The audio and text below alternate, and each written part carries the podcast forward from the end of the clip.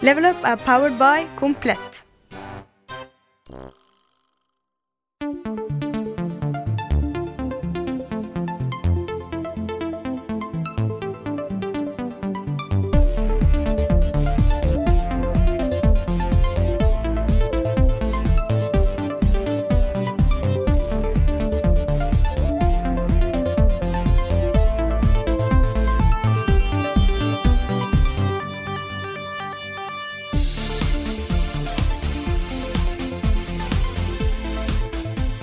Det er ikke noe gøy å være på ordentlig når det er så mye bra på liksom. Vi skal ut på tur for å finne ut hvor bra det faktisk er. Velkommen til E3-spesialen av Level Upcast, i dag med to gjester, faktisk. Lars og Jon Cato. Hei, hei. Velkommen. Yes, hallo. ja, nå er det E3 igjen. Eh, Det begynner ja, egentlig først på mandag neste uke. Men eh, de starter jo sånn smått med litt pressekonferanse på søndag også. Eh, Og det har jo pågått i over, ja, rundt 20 år nå, cirka. Eller hadde de ikke nettopp 20-årsjubileum? Jeg tror det er 20 år i år. Jeg Ja. skrev en gigantisk sak for eh, gamer.no i fjor der jeg oppsummerte alle eterne som har vært med høydepunkter fra alle år. Så Wow. jeg tror det var 19 stykk, da. Ja, nettopp. Da kan egentlig bare du snakke. Ja, da vet du alt om etere. Nei, etere er liksom eh, Før var det jo det desidert viktigste i spillmediet. Det er ingen tvil om det. Det var der alle de store announcementene kom. Det var der de viste fram konsoller første gang. Alt mulig rart. Eh, I nyere tid har det vel kanskje blitt litt mer sånn hype-prega. eh, og utgiverne har blitt litt mer forsiktige med å eh, Kanskje de nest største nyhetene sine, da. Og, og slippe de der. Fordi det drukner i støyen fra alt det andre. Så det er ikke så hot som det var, men det er jo fortsatt Det er fortsatt vårt kan, vår Cannes-festival. Det er jo det. Ja, det regnes fortsatt som det. Altså, det har vært en veldig eh, utvikling på ET, for opprinnelig var det bare en sånn eh, liten del av den CES-messa, som er den store elektronikkmessa i Las Vegas hvert år. Men så begynte spillet å bli så stort på 90-tallet at de tok så mye plass der, og disse folkene med TV og sånn, de likte ikke at disse, spill, disse barnslige spillfolkene tok så mye plass, så lagde de sin egen messe, da. Så, så men i starten, altså det som var etere før og nå, ikke sant, det var jo før og etter internett ble stort. Og før internett var stort, så var det jo det største i verden å dra til etere og få se alt som kom live, og prøve alt som kom, og så dra hjem og rapportere om det i magasiner eller på TV eller de mediene man jobber for. Men så, etter hvert som internett har blitt eh, kanalen for å annonsere alt, så bruker jo de som er på eter, bruker jo internett veldig flittig, så at du får jo med deg alle pressekonferansene du har sittet hjemme, du får jo med deg alle videoer, du får med deg alle gameplay-presentasjoner, altså alt.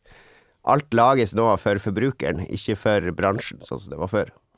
Ja, så ser vi også at eh, noen har gått bort fra det, det tradisjonelle E3-formatet. Nintendo f.eks., som nå ikke bruker millioner av kroner på å leie en stor sal og flyende journalister og osv. De kjører en eh, streaming-pressekonferanse. Mm, Helt digital eh, presentasjon. Helt digitalt. Og de taper jo ikke noe på det, egentlig. Ja, de, de går rett De har hoppa helt over der journalist-bransjeleddet og bare gått rett på forbrukerne, for de arrangerer jo turneringer og events for Nintendo-spillere eh, mens, mens etere pågår, så de gjør det til en sånn spillerfestival i stedet for en sånn bransjeevent. Mm. Så det store, store spørsmålet er da hvorfor i all verden skal vi dra dit? Eh, mitt argument er jo rett og slett det at eh, det er en av veldig få muligheter vi har til å faktisk snakke med de som lager spillene. Eh, I hvert fall eh, en tredel av de avtalene vi har er med folk som faktisk bestemmer litt over utviklingen av spill. Ja, folk som ikke er community managers og den Ja, slags. PR-folk og Mm. sånt. Uh, og det er jo uh, Hvis man er journalist, så er det jo det man vil. Man vil jo gjerne snakke med de som lager de tingene man dekker. Så, uh, så jeg mener det fortsatt er et journalistisk argument for å dra på den type messer. Da. Men jeg merker jo at de som uttaler seg om spill, har jo blitt veldig, veldig flinke til å uttale seg om spill. Ja, flinke i anførselstegn. De har jo et manus, Mm. mange av de. Eh, Så det er ofte man havner i sånne situasjoner hvor man bare snakker til en vegg som bare Du kunne ha liksom lest, lest en brosjyre eller et eller annet isteden. Ja, det er det som er litt kjipt. Jeg, før så dro jeg på ET og var veldig sånn personlig og profesjonell berikelse. Altså, du fikk utrolig mye kunnskap der. De hadde jo, for ti år siden så hadde de også sånn seminarer samtidig som etere, så man kunne gå og høre på Molyneux og andre snakke om fremtida til PC-spill og sånn i paneldebatter. Uh, og det var veldig informativt, spesielt for, for meg som, som lager trollolol og sånne ting, at, at jeg kunne lære mye. Mens nå, den der læregreia er minimalt, fordi det er Se på en presentasjon av spillet, og så spør du noen spørsmål i fem minutter, og uansett hva du spør om, så får du de samme svarene som de andre journalistene, stort sett. Altså, de, det er 20 innøvde svar som de gir. Så. så det er vanskelig å finne de gode skupene, men jeg har jo sett media som har støtt på, på Gabe eh, fra Valve i, i, gangen og huka tak igjen og fått et femminutters eh, på sparken-intervju og sånne ting. Og det, sånne ting er kult, hvis man får det til. Absolutt. Nå er jo du og jeg veteraner, Jon Gatto. Vi har vært på etere. Hvor, hvor mange ganger har du vært? Første gang var i, i 2000, tror jeg. Ja, da slo jeg deg. Bare 98 var først, mitt første. Ja, Du var i Atlanta, du. I Atlanta. du overlevde det? det. Så vidt. Det, det, da, da, da, lå messa i det verste strøket, en av de verste byene i USA. Var, folk var livredde når de gikk fra den messa. Ja, ja, det var jo sånn uh, Atlanta downtown, i hvert fall på den tida, var jo uh, ikke noe annet enn bedrifter. Og på kvelden, når bedriftene stengte, så ble det sånn getto, sånn lovløst skummelt. da, Skikkelig skummelt. Så jeg har mange gode historier om Atlanta etere. uh, men Carl og Lars, dere hadde jo deres første etere i fjor. Stemmer. Nå skal mm dere for andre gang. Mm Forventninger? Nei, altså um, I fjor så var jeg uh, veldig nervøs. Jeg gleda meg veldig, men jeg var også veldig nervøs og veldig sånn, litt sånn reiseengstelig, sånn som jeg alltid er. Um, men i år så er det sånn at jeg, jeg, bare gleder meg. Og det er så deilig. Så um, det var kult i fjor, og det kommer til å bli enda kulere i år, er jeg sikker på. Mm. Ja, det Jeg er enig med, med Carl, egentlig. Bortsett fra at jeg var Jeg var ikke så nervøs i fjor. Jeg er mer Nei. nervøs i år. Er du det? Ja, det er litt etter på en måte erfaringen jeg hadde med den jobben jeg gjorde der borte i fjor. Så, så er jeg litt mer nervøs i år for hvordan det skal gå, men Kan du ikke um, fortelle litt av liksom det verste du opplevde i fjor? Ja, altså det Første dagen så starta vi jo klokka sju om morgenen eller et eller annet sånt noe. Ut og spise frokost og komme oss ned på alle um, konferansene. Og når jeg begynner å redigere filmene på um, ja, i løpet av dagen utover kveldstida, så går det liksom mer og mer tid. Og så skal jeg begynne å laste det opp på internett, og det som skjer, er jo at det, den wifien vi hadde på den hva var det vi bodde på? Et, det var et motell, motell på Sunset. Ja. Mm. det her var jo helt uh, elendig, for å si det mildt. Altså, det tok jo år og dag, og det ble avbrutt under opplasting og tjoei. Så jeg måtte da um, Først så kjørte jeg da Hollywood rundt om midt på natta for å leite etter wifi, for å få lasta opp denne her filmen, liksom, som vi skulle ha ut så fort som mulig. Um, noe jeg ikke fant. Og til slutt så måtte jeg bare, bare gi opp. Og da det endte med at jeg gikk til resepsjonen på det motellet og spurte om jeg kunne få demontere PC-en deres, for der var jo alt skrudd sammen sånn for at det ikke skal bli stjålet. Demontere den for å få nappet internettkabelen, så at jeg kan låne den og få lasta opp dette her, liksom. Og det fikk jeg lov til. De var jo um, veldig kompis, heldigvis. Ja, veldig. Så klokka seks om morgenen da dagen eller morgenen etterpå, når vi skulle da egentlig stå opp om en time, så var jeg ferdig. Så da, ja. Mm. Gikk jeg og la meg. Det ble ikke noe Nintendo-stream på meg. Da lå jeg og sov mens dere så på den. Men um, ja. Nei, det var, det var, litt pain, altså. Da hadde jeg mildt sagt litt panikk rundt på natta der. Det er rart at USA, altså spesielt Los Angeles kanskje, har dårlig nett. Ja, de har, de har relativt bra 4G, da. Um, ja. Men uh, vi sleit jo litt med den også. Vi hadde jo en sånn dings. Ja, den var jo ikke stabil. Nei, i det hele tatt. Så og så var den litt sånn Jeg prøvde jo å laste opp via den, den men den også ble avbrutt etter en periode. Jeg har jo fulgt litt med. da. Jeg ser når folk får uh, Google uh, fiber uh, i USA, så er det jo sånn ekstatiske. Da er det jo ja. på en måte det kaller inn hele familien til kjempefest. Og, og det, er, det, er, en stor begivenhet da, at de får fiberoptikk hjem ja. til seg. Så det begynner jo sånn smått å skje ting der også. Ja. Men kan du tenke deg det at Google skal gå inn og legge fiberoptikk i Los Angeles, i gatene og sånt. Det, det går jo ikke. Det går jo ikke. Det, er, det, det stopper jo all trafikk. Og tenk deg, ja. det er så mye trafikk ja. der i utgangspunktet, ikke sant? Ja, der er det travelt. Altså, du må nok finne en annen løsning, om det blir i lufta eller uh, Jeg vet ikke. Men uh, dårlig internett er jo noe som går igjen på, på etere. Men jeg må også få sagt da at for min del var det jo kjempedeilig at du var med, Lars. Fordi jeg er jo vant til å fly fra intervju til intervju hele dagen. Jeg har vært mye aleine på etere. Uh, Og så gå hjem og enten skrive eller klippe eller et eller annet, og så liksom legge meg i tretiden, og så er det opp igjen klokka seks. og Mm. Nå var det sånn, ja, prate litt foran kamera, og så, Ja, ja, så klappe deg litt sånn. Går det bra, Lars? Dette fikser du. Det blir Ja. litt seigt, men det går bra. Det er bare, Ja, ja. bare en uke, Lars. Nei, men det var, ikke, det var jo ikke noe problem. Det, det ble seint, og dagen etterpå var, eh, var slitsom, men uh, altså Man tåler jo det. Mm. Så lenge man ikke gjør sånt hele tiden, liksom, så er det jo greit. Mm. Det som var deilig i gamle dager, eller de første eterne jeg dro på, så var det første året var for en butikkjede, faktisk. Og de tre neste var for, eh, for et månedsmagasin. Og da, da, da jobber du jo ikke på kveldene og ettermiddagene, for jeg har ikke noe internetting jeg skal levere. Du har kofferten full av saker og notater og bilder når du kommer hjem, og så lager jeg sakene hjemme. Riktig. Så da kunne du liksom dra på messa, så etter messa så var det bare å velge hvilken av de eterfestene man ville dra på, og dra ut og spise og slappe av og, og lade opp til dagen etter. Men etter, eh, etter internett ble populært, så er det liksom jobbing døgnet rundt der borte. Ja, det, det husker jeg også godt, de der festene. Det var så viktig å komme på de festene. Det var jo ikke helt uten grunn, fordi de leide jo inn Foo Fighters og Queens of the Stone Age og svære, svære band. De brukte jo massevis av penger på dette her. Mm. Det var jo en konsert, liksom. En bra greier. Så, men det er jo borte. Nesten, da. Ja, det er fortsatt fester, men ikke i det samme omfanget som Nei. det var før. da. Altså, det skjer noe på Saddle Ranch hver kveld, og det Mm. er litt mindre venues enn det var før, der de skulle ha 4000 inn på festen sin. Og så husker jeg også jeg hadde litt sånn Følelsen av at det var en del norske journalister som var litt sure på meg da jeg begynte å eh, skrive veldig aktivt om spill. Fordi, fordi eh, da jeg var på etere, så var det jo liksom Jeg måtte jo levere ting fortløpende hele tiden. Så jeg sa nei til liksom middager og fester og sånt og dro for å jobbe isteden. Og kanskje Snorre, for eksempel, i Dagbladet, som eh, kanskje hadde lyst til å liksom gjøre noe annet. Følte han måtte fordi vi var konkurrenter, og så liksom han måtte tilbake og jobbe. og mye sure, sure kommentarer fra utgivere når jeg ville betale for meg selv og sånne ting. Det var, jeg følte meg det var litt kleint, men det var i hvert fall Ja. greit å kunne gjøre, gjøre det. Men vi hadde jo i flere år der borte var det noe som heter Norsk Aften, Ja. husker du det? Det var i regi av eh, den norske spillprodusentforeninga, eller distributørforeninga, som tok initiativ til å samle alle de norske som var der. Fordi på det meste så var det vel en 40-50 stykk fra Norge der. Nå Ja, ikke om bare journalister, det var vel kanskje 15 av de som var journalister.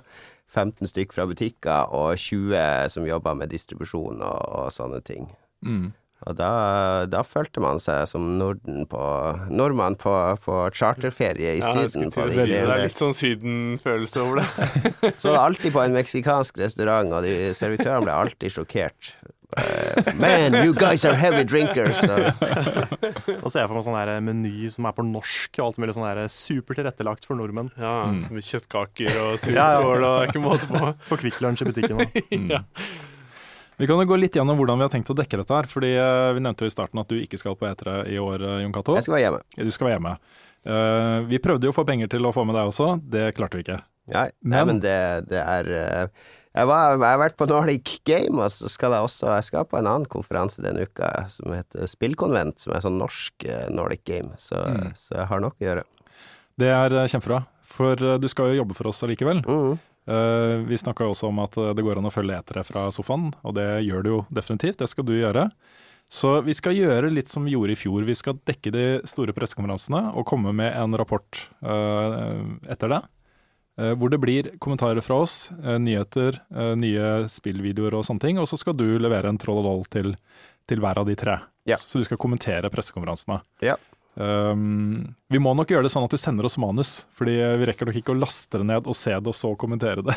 yeah. men, uh, men vi kommer vel til å være ferdige omtrent samtidig, eller klare til å lage ting omtrent samtidig, tenker jeg. Etter pressekonferansene. Ja. Kanskje kan vi late som vi har sett den når vi står Ja, ja, der. Og bare sånn Å ja. Interessant. Det er jo mange veldig interessante poenger. han har altså. Veldig Jeg skal bare snakke dritt om, eh, om dere tre. Ja, ja, ja. ja, ja, ja, ja, Ja, ja, fantastiske Jon Cato har helt Ja, rett bare som Nei da, men det blir, uh, det blir masse video derfra. Det er ikke sikkert vi lager den derre uh, Vi lagde jo en egen video på Ubisoft og EA og sånt også. Det er det ikke sikkert vi gjør i år. At vi heller fokuserer på å lage en større og bedre spesial. Ja. Men det blir det, da. En stor spesial, etere-spesial, uh, uka etter etere. Uh, forhåpentligvis klar til tirsdag, litt avhengig av hvor jetlag det ja. Så Det skal vel, eh, skal vel la seg gjøre det? Vi var ganske effektive i fjor. ja da, det, Jeg, jeg tror jeg klipte sikkert mesteparten av mine innslag den dagen vi kom hjem. ja, det er litt vanskelig. Vi kommer hjem på fredag. Eh, da er det sånn Da får jeg to unger i fanget, Ja. mens kona går og legger seg og skal sove hele helgen, tenker jeg. Eh, så mandag må jeg nok sette meg ned og klippe de tingene. jeg Nå er det litt sånn redaksjonsmøte her. Ja, det blir, ja, det blir redaksjonsmøte. vi kan gå litt videre. Vi skal ikke gjøre alle de vanlige tingene vi gjør i denne podkasten. Vi skal ikke Nei. gå gjennom hva vi spiller om dagen, store nyheter fra spillbransjen og, og sånne ting. Vi skal eh, snakke om etere, og det har kommet masse masse spørsmål fra lyttere uh, til oss. Ja, De svikter aldri, altså. Nei, de gjør ikke det. de er på. Ja. Det er veldig bra. Men du hadde en ting du hadde lyst til å gjøre først, så da gjør vi det nå. Det er jo ett aspekt ved E3 som alltid er veldig veldig spennende for alle involverte. Det er jo å komme med predictions om hva vi tror kommer til å skje på messa. Og vi har jo eh, alle sammen eh, forberedt Vi har tenkt en del på det. Og vi har kanskje forberedt et par sånne predictions som, som vi tror kommer til å skje i år. Er det noen som har lyst til å begynne å fortelle litt? Det er litt vanskelig å komme med predictions uh, nå, da, fordi uh, mye lekkes jo på forhånd. Det er sant. Det er mange som prøver å komme i forkant av eterrushet ved å slippe f.eks. nyheten om Fallout 4 et par uker før, Mm. før etere. Så det blir vanskeligere og vanskeligere, så vi måtte grave litt dypt. Men vi har vel klart å finne noen. Ja, vi, vi har det. Lars, har du en du vil starte med? Skal jeg begynne? Ja. Ja. Nei, altså Som vanligvis så pleier de jo å presentere litt uh, Call of Duty-stoff på, uh, på E3, og det er jo på en måte et av mine høydepunkt. Jeg har alltid vært en Call of Duty-fan. Um, så, og De siste åra har de fokusert litt på den fantastiske AI-en de har i spillet. Sånn som jeg husker ikke om det var i fjor. Også kjent som. AI på norsk. Ja, AI. OK. Eller kunstig intelligens, er det det står for? Kunstig intelligens. KI. KI, ja. Ok. Også kjent som Killer Instinct. Riktig. Den kjente KI-en de har i spillet, som, eh, som da gjør at når du svømmer mot en fisk, så svømmer den fra deg. Altså den unnviker deg. Mhm. Um, så dette her er jo da noe Jeg tenker at de kommer til å slå seg sammen med um, og skal lage noe, noe ordentlig stort og nytt nå, for det har jo ikke gått så bra med Cold Duty de siste årene. Og det, survival er jo blitt den store greia. Så at de kommer til å slå seg sammen med Minecraft Med Minecraft. og lage altså et, eh, et survival Call of Duty-spill som kommer til å hete Craft of Duty. Um, og isteden for at, du, at fisken svømmer fra deg, så kan du da temme fisken og lage din egen fiskehær. Oh. Sånn at du virkelig kan uh, dra dette her sånn framtids... Uh, ja. ja. Så det er det jeg håper på. Jeg tror, uh, jeg tror det blir dritbra, altså. Interessant. ja, det hørtes ut som en Ja. vending jeg kunne stilt meg bak. Ja. Mm. Og det er litt morsomt at du sier det, for jeg har også en Minecraft-relatert prediction. Det var det. Um, og det er fra pressekonferansen til Microsoft. Fordi eh, jeg tror det som skjer, er at Mojam eh, de, de kommer på scenen sammen med da Phil Spencer fra, fra Xbox.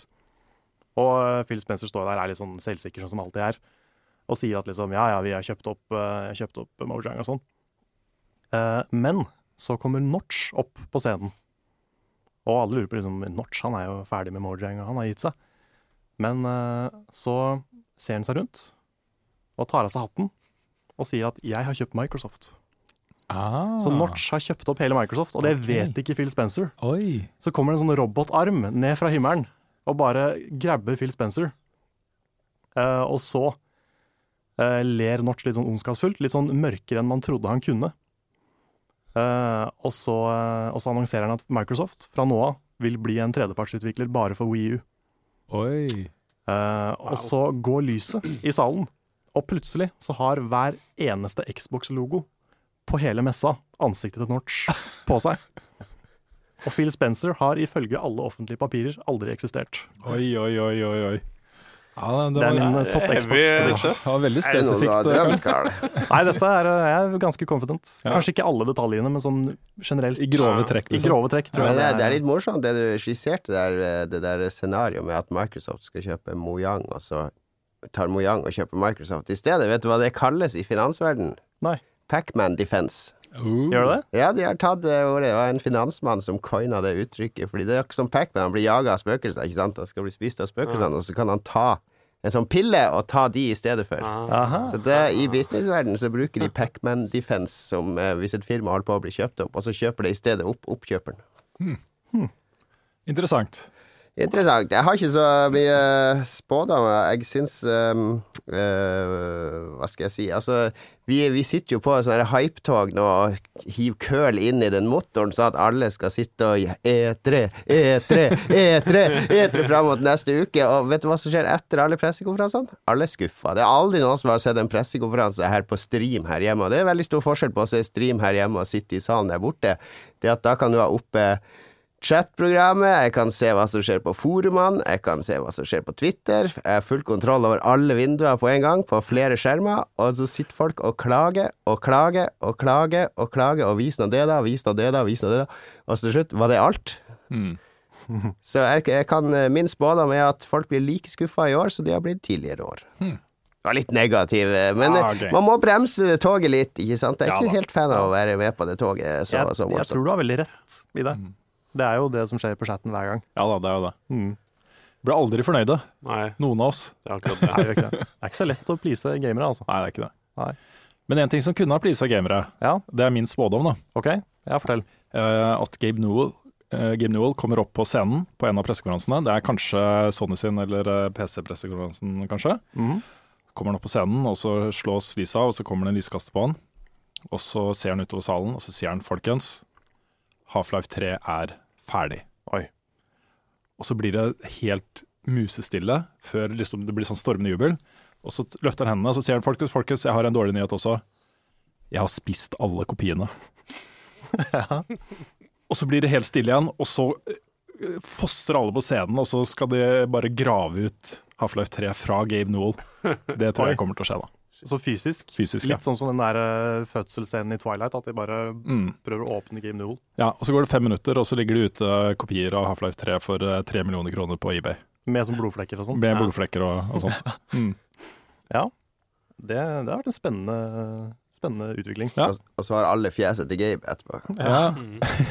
Og så viser det seg at du og Carl har samme drøm, så våkner dere opp i samme seng, og så bare sånn «Ah!» Jeg hadde et mareritt, Rune. Det Jeg høres, høres veldig ut som en sketsj vi har hatt en gang. Ja, det høres eh, Det er noe kjent der. Ja. Uh, kan jeg få lov å komme med en prediction til? Ja, du kan det. Ja, uh, Dette er fra Sony sin konferanse. Vi har ikke snakka så mye om, om det ennå. Um, men uh, vi ser Dette er en trailer, da. Så en, en veldig sånn mystisk trailer hvor um, han Kasirai kommer på scenen og bare Nå skal dere få se en mystisk trailer. Og så er det et bilde av en busk som rasler i vinden. Uh, det zoomer sakte ut. Ser vi at det er litt sånn blod på bakken. Uh, og kameraet da panner sakte inn i et vindu. Uh, og der sitter Joel fra The Last of Us. Eh, og den der litt sånn rolige Last of Us-musikken begynner, den der gitarmusikken. Og plutselig så blir Joel slått ned av en kjempeklubbe. Og kameraet snur seg, og der står en mann. Han har, nesten, han har ikke klær på seg. Uh, og skjermen blir svart, og så står det 'The First of Us'. Du, jeg stjeler den, og så tar vi tar og spoler tilbake traileren, og så zoomer vi ut fra en buske, så litt blod, og så inn i vinduet, og der sitter Joel. Og så kommer den svære hammeren, og så alle jubler nå, det er bare 'Yes! Nytt Last of Us! Yes!'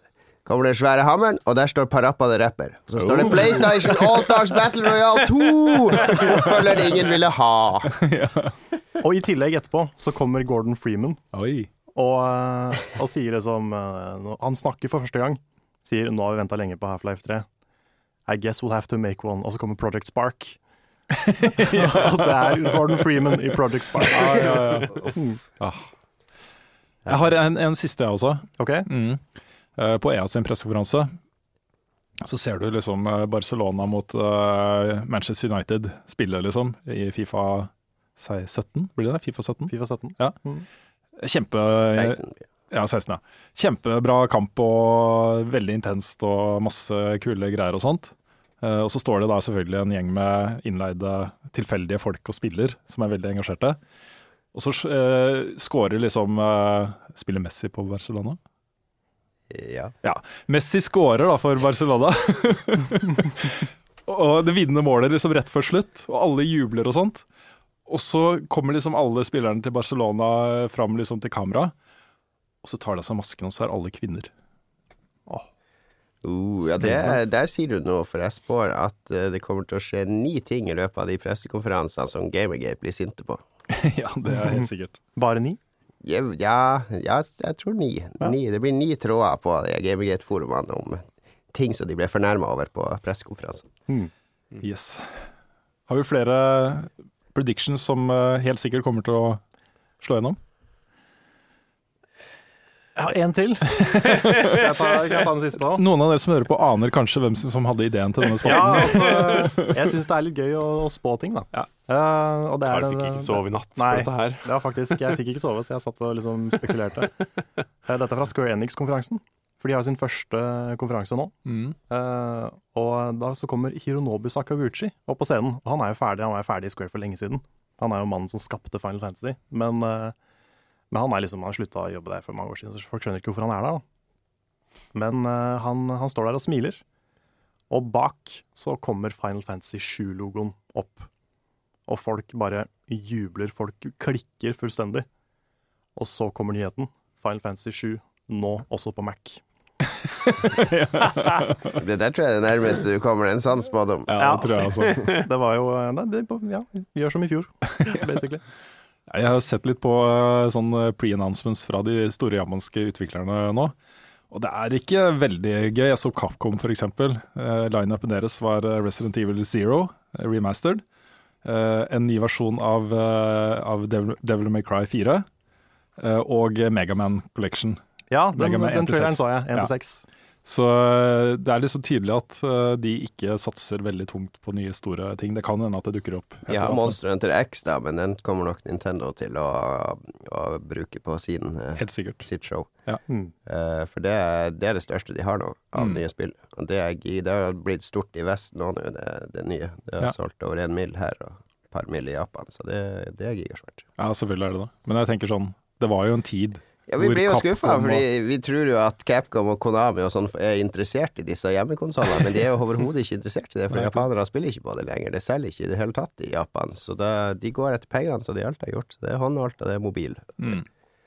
Det, det er trist for oss, men men det er Jeg tror ikke de ser det i Japan, at det, eller skjønner at vi, er, vi forventer mer fra de. Men det har jo skjedd litt spennende ting også med de store japanske eh, seriene i vestlige hender. Med Ninja Theory som lagde en helt fantastisk det med Cry 4 f.eks. Mm. Så kan det hende at vi ser litt av det. At de lisensierer ut uh, brandene sine til Vesten, som kan lage da ting som er laga for Vesten, kanskje isteden. Ja, jo, det er absolutt. Altså, men de kommer ikke på etere sånn som de gjorde før. Altså, det er ikke sånn at de japanerne kommer mannsterke lenger. Jeg har jo litt håp igjen for eh, Persona 5, da. Det er jo et sånt eh, Det er en storsatsing som heldigvis fortsatt fins. Ja, det er Atlus som Atlas, tar seg av de tingene der. De har ganske mye av de De bringer mye av det ut i USA og litt mindre i Europa, men, eh, men det kommer nok til USA. Ja, stemmer det. De har sånne kjipe europeiske Ja, launch dates. Veldig. Det er eh, håpløst.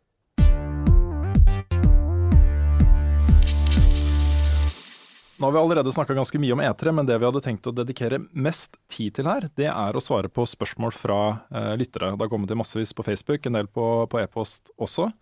Eh, så vi begynner bare der, og så ser vi hvor mange vi rekker å svare på. Det første er fra Espen Andreas eh, M. Hansen. Eh, og han lurer rett og slett på hva er dere mest spente på å se på E3? Et veldig sånn eh, betimelig spørsmål. En ting Alle har liksom et eller annet de gleder seg til. Ja. Har du lyst til å begynne, Karl? Ja, jeg kan begynne. Jeg har um, Det har jo lenge vært Kingdom Hearts 3. Jeg, jeg ser at jeg har fått veldig mange spørsmål om Kingdom Hearts 3 også. Um, men i det siste, når eh, Dark Souls 3-ryktene begynte å eh, stikke seg fram, så ble det jo med en gang det også. Så eh, jeg håper vi får se noe fra Dark Souls 3. From Software kommer jo til å bli sånn årlig greie nå. Annethvert år Ja, Bloodborne, ikke- annethvert år Dark Souls. Kanskje. Kanskje det blir sånn annethvert år fra hver eh, Jeg syns det har vært mye Dark Souls og Bloodborne og sånt det siste året, også, med nye versjoner og expansion packs. Og, Så jeg håper ikke de, de blir en sånn årlig eh, sånn der pumpe-ut-greie. mm, Fordi de har vært det de siste par åra nå. Men uh, de spillene er for bra og for gjennomtenkte og for gjennomførte til å liksom bli en sånn der fast food-greie. mm. På et eller annet tidspunkt så kommer fansen til å liksom etterspørre litt uh, andre typer miljøer og kanskje litt uh, andre settinger og Ja. Jeg vet ikke. Mm. Modern Souls. Ja, for eksempel. Mm. Kanskje. Light Souls. Light Souls. Mm. Mm. Jon Cato, Uh, nei, det gleder meg mest til, er vel Nintendo Directen, fordi det er den eneste der du ikke sånn cirka vet hva du kommer til å få servert. Der de plutselig kan finne på noe helt sykt, sånn som Splatoon eller uh, andre ting som du ingen hadde forventa. Mens alle andre pressekonferanser, det, det lekker jo og drypper, og du vet at det blir Call of Duty, og det mest spennende liksom kommer Fallout til å være på Sony eller Microsoft sin pressekonferanse, ikke sant. Mm. Mm. Hvor kommer Assassin's Creed til å være i år? Hvor skal Call of Duty være i år?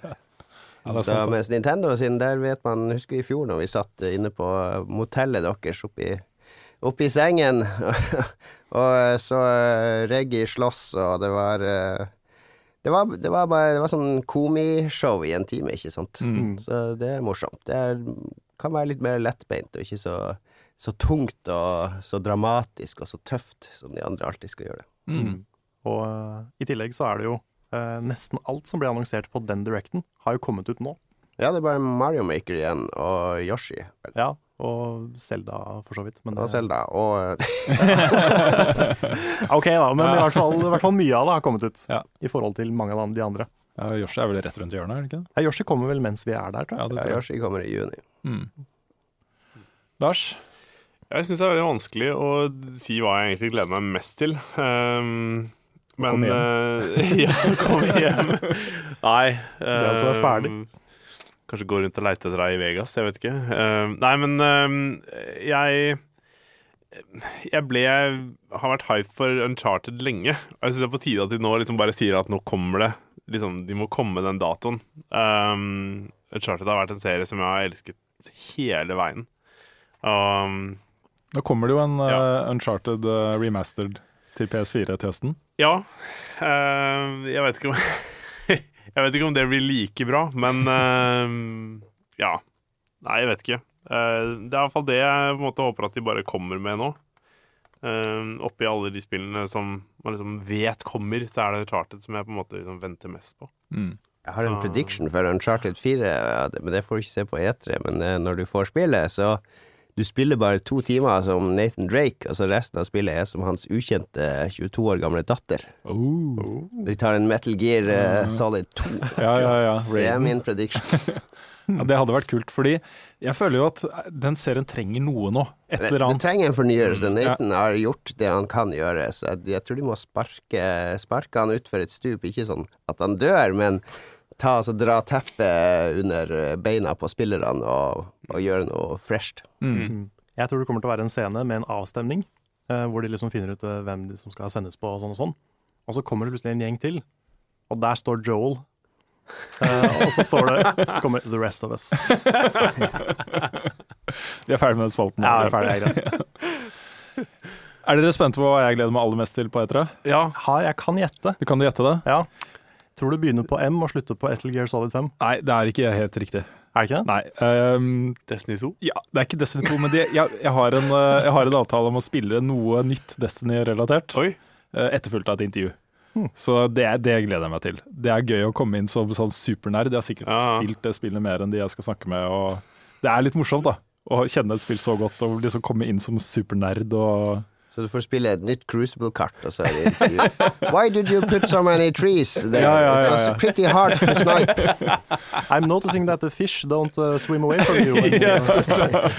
Was that intended? ja. Nei da, altså jeg forventer jo at de skal vise fram nye subklasser og kanskje et nytt raid. At det er det de skal uh, fokusere på. Det, Men det, eh, er- det hadde vært kult hvis de hadde gjort det. Ja. det ryktene sier jo at uh, neste expansion kommer 15.9. med tre nye subklasser, altså én for hver klasse.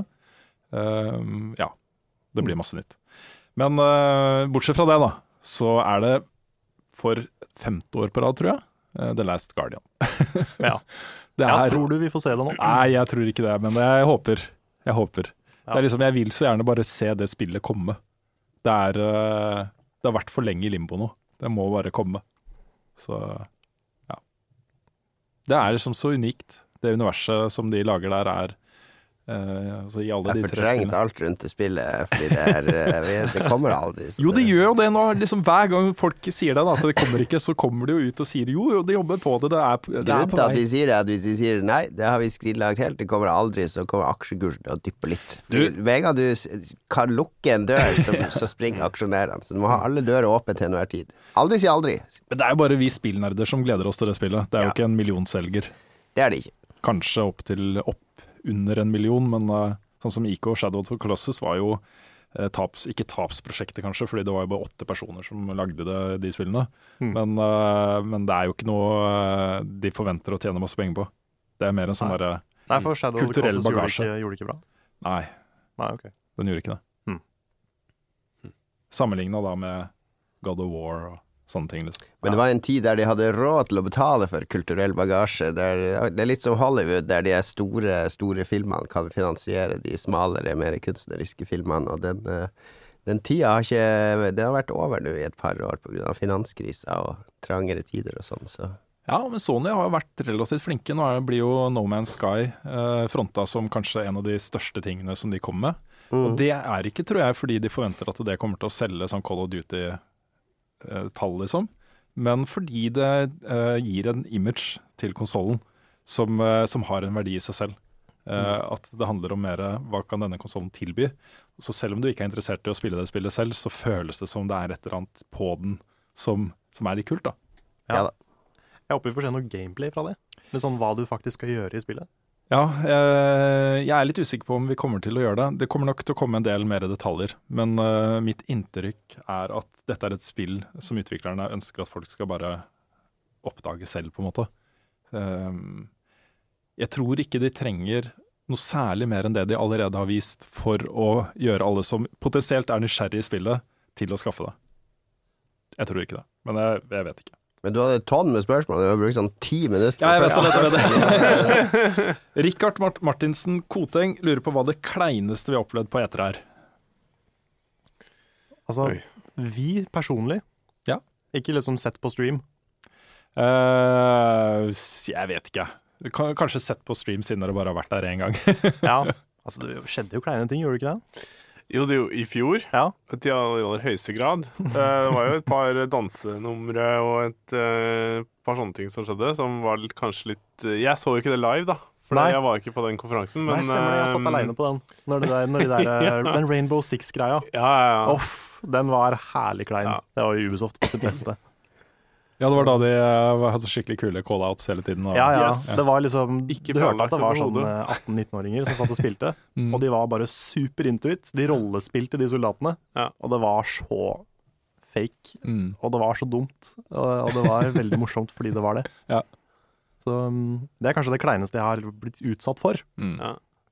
Ja, fordi det blir, for, det, blir, det blir for tydelig.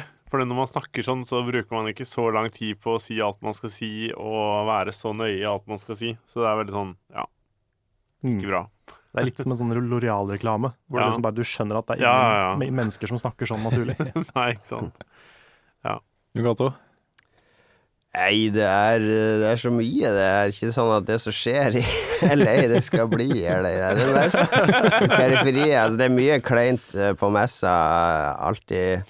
Spesielt noen år på midten av 2000-tallet, før, før de liksom restrukturerte messa skulle gjøre den mer seriøs, der var, den var bare full av folk som løp rundt med svære bager fulle av oppblåsbare sverd og hatter og T-skjorte. Det var sånn lutfest. Og det syns jeg var bare så utrolig Fordi jeg skulle jo på kryss og tvers fra avtale til avtale, og alle disse utrolig tjukke, svette amerikanerne som sto i veien overalt, med, med, og bare var der for å grabbe til seg buttons og skit. Det syns jeg var skikkelig kjipt i de årene. Men det kanskje det kleineste jeg opplevde, var når, var, var når wrestling Wrestlingspill var veldig stor. eh, For sånn syv-åtte år siden. Og da var jo alle de VVE-stjernene kom jo dit for å signere. Og lange køer for å komme opp til The Rock og alle de store som var på den tida, da. Og så gikk jeg forbi den standen en gang, og da, var det, da så, så jeg det satt en kar der oppe og signerte, men det var ingen folk der. og så gikk jeg opp der, og det var jo han eh, Jerry Lawler, han Jerry the King Lawler, han er kommentator i WWE nå, da, men han var jo wrestler før. Han hadde, det var han som hadde den derre Uh, beefen med, med Andy Kaufman, han komikeren oh, ja. og slo han på Letterman-show og sånne ting. Og Uh, en veldig kul fyr, da, så jeg fikk autografen hans da til en wrestlingfan av meg i Oslo, da, men det syns jeg var litt, det var litt sånn trist å altså, gå forbi og se en sånn kjendis sitte der, og ingen ville ha autograf. men uh, nei, det er mye, mye, mye rart som skjer der, som man tar med seg videre. Ja, du kjenner sikkert igjen denne her. da Microsoft hadde et år en pressekonferanse hvor man kom, kom inn dit, og så skulle alle i salen, inkludert journalistene, eh, før de gikk inn, ta på seg en hvit frakk. Eh, det, var da, det, var det sånn. året de presenterte En poncho. En poncho. Eh, det var det året de presenterte Kinect eh, skikkelig for første gang, tror jeg. Med Cirque de Soleil. Med Cirque du Soleil. Og showet var vel noe sånn som at alle med frakk Jeg husker ikke, for jeg ble så pinlig berørt av det. At det skulle bli en del av det PR-maskineriet, liksom, eh, som journalister. Det var du, du og Joakim Lund fra Aftenposten og Snorre fra Dagbladet da, som fikk lov å gå ned på gulvet med alle performerne, eh, mens vi andre satt oppe på tribunene. Men alle hadde på seg poncho og skjønte ikke hva det var, før alle begynte å blinke sånn synkront Ja, sånn fra det. skuldrene. Å, herregud. Jeg tok av meg den ponchoen, jeg, og så gikk jeg opp på tribunen. Det var, eh, hvis jeg husker riktig, det var veldig, veldig flaut. Det var veldig flaut. Det var sånn eh, Ja, ikke bra i det hele tatt. Kanskje det er derfor vi bare fikk armbånd i fjor? Ja, kanskje det. For det var jo sånn den nye tingen som aldri hadde vært gjort før Ja, på. Microsoft. I år har jeg hørt at pannebånd er det store, så nå Mm, får alle sånn Xbox-pannebånd som de må ha, som skal blinke. Nice. Navlepiercing. Det er sikkert, det er sikkert en sånn her Google Glass-type ting. Det er ikke det det heter på Microsoft, men eh, sånn i pannebåndet Mm. som viser en liten skjerm foran deg. Ah. Det er sikkert det er min prediction. Jeg har et par andre Jeg har, jeg har tid til å ta et par andre veldig flaue ting. Ja ja, kjør Ja. på. Eh, et år så var jeg på en, uh, et Ubisoft-arrangement, for de ga ut et spill som het Playboy The Mansion. Og da hadde de jo da fest på Playboy Mansion. Uh, og det var veldig kult å være der. Å være, faktisk være på Playboy Mansion og var liksom sto ved svømmebassenget og drakk litt drinker og sånn, liksom. Med masse, masse Playboy-modeller overalt. Men jeg syns jo det var utrolig flaut også, fordi jeg kjente jo ingen andre der. Jeg var eneste fra Norge som fikk lov til å komme dit. Desto bedre. Kan du gjøre hva du vil. Jo, men allikevel. eh, og det var eh, Ja, det var ganske flaut. Det var liksom en, en Det er den norske puritanismen Ja, som, som brenner inn i deg. Det her er feil at jeg som, som sånn ydmyk nordmann skal oppleve det her eh, hedonistiske greiene. det var mer, Jeg vet ikke helt akkurat hvorfor det var flaut, men det var en veldig flau ting som skjedde her. Og det var at jeg skulle trekke meg litt unna og spise litt mat. Så jeg sto liksom i sånn derre Det er svær hekk der hvor det var en sånn liten uh, nook, eller cranny, eller hva det heter. Mm. Um, som jeg sto inne der da med en sånn tallerken i hendene, og så spiste jeg små kanapeer. Så kommer det tre sånne der Playboy-modeller i bikini. eh, som tar en pause og steller seg opp rett foran meg. De lukker meg på en måte inne i den lille avlukket. Mens de står og prater sammen, og der står jeg med de jævla kanapeene mine og bare um, um, Det var ille, Jeg altså. ser det for meg. Ja. Nei, uff. Uh, siste tingen jeg vil nevne, er jeg gjorde et intervju med, med Hva heter han igjen? Han som nå er eh, toppsjef i Sony Computer Entertainment.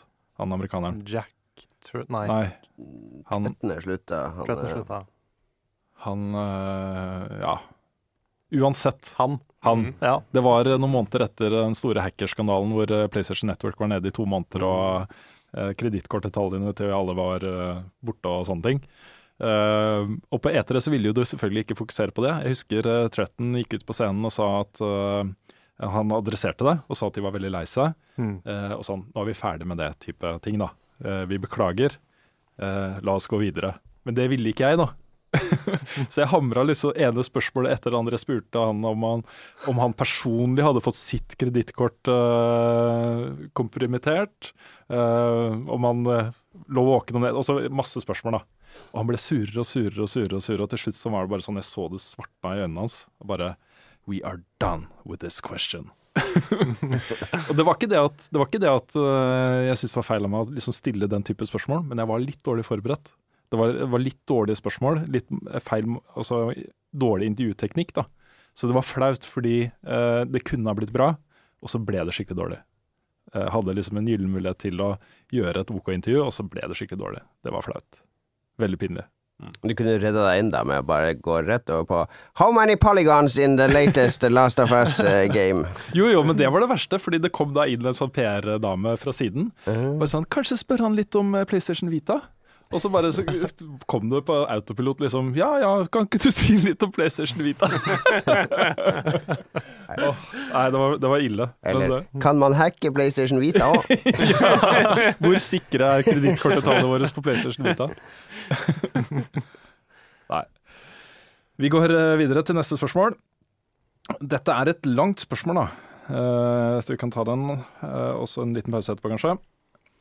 Uh, det er fra Pål Ruben Håvind, og jeg tok det med fordi han, han eh, sier en del av de tingene som vi allerede har snakka om, og som, eh, som mange tenker om etere. Uh, er etere kun et stort stunt for å få alles oppmerksomhet? Når man dekker etere, hva får man ut av å være der, i motsetning til å bare følge med på informasjonen som selskapene publiserer? Og så skriver han i parentes, for meg kan det virke som om utstillerne prøver å få innflytelse over spilljournalistene ved å samle dem på ett sted, hype dem opp og gi dem hands on på spill som ikke kommer ut før om ett år. In my opinion er etere jo bare et stort PR-sirkus hvor utstillerne konkurrerer om å imponere mest, og få mest mulig pressedekning. Det er vel også meningen å skape entusiasme rundt spillmediet, men det er kanskje ikke førsteprioriteten til spillselskapene som er på etere. Um, ja. Ja, nei, ja, han har jo eh, stort sett rett. Altså, det har blitt det. Det har blitt et veldig sånn hype-maskineri, og det har blitt vanskeligere og vanskeligere. Altså, for ti år siden så fikk jeg masse gode saker og intervjuer og sitater og møter ut av etere, men de siste årene har blitt vanskeligere fordi det, det sitter, som du nevner, det sitter en PR-mann, og de har et skript, og de de vet hva de skal snakke om, og hva de ikke skal snakke om, og uansett hva du spør om et eller annet, så kan han si You might say that, but Og så bare leser de opp et sånn forhåndsinnstudert eh, salg av spillet.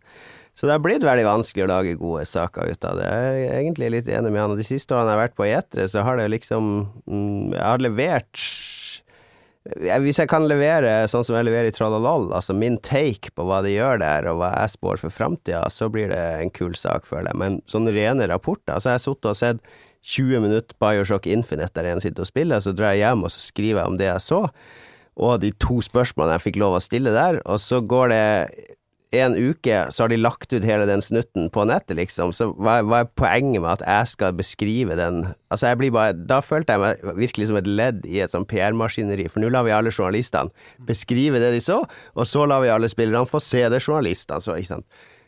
Det var, det var sånn Da følte jeg meg ordentlig som et sånn ledd i det PR-maskineriet, det det var første gang jeg ordentlig stilte meg spørsmål om hvorfor, hvorfor drar jeg egentlig på etere, vil jeg egentlig være en del av det her? Mm. Jeg, jeg ser den absolutt. Um, litt på den annen side så kommer det jo veldig mye informasjon om spill, og det er jo ikke sånn at uh, det er forbudt å glede seg til spill som kommer.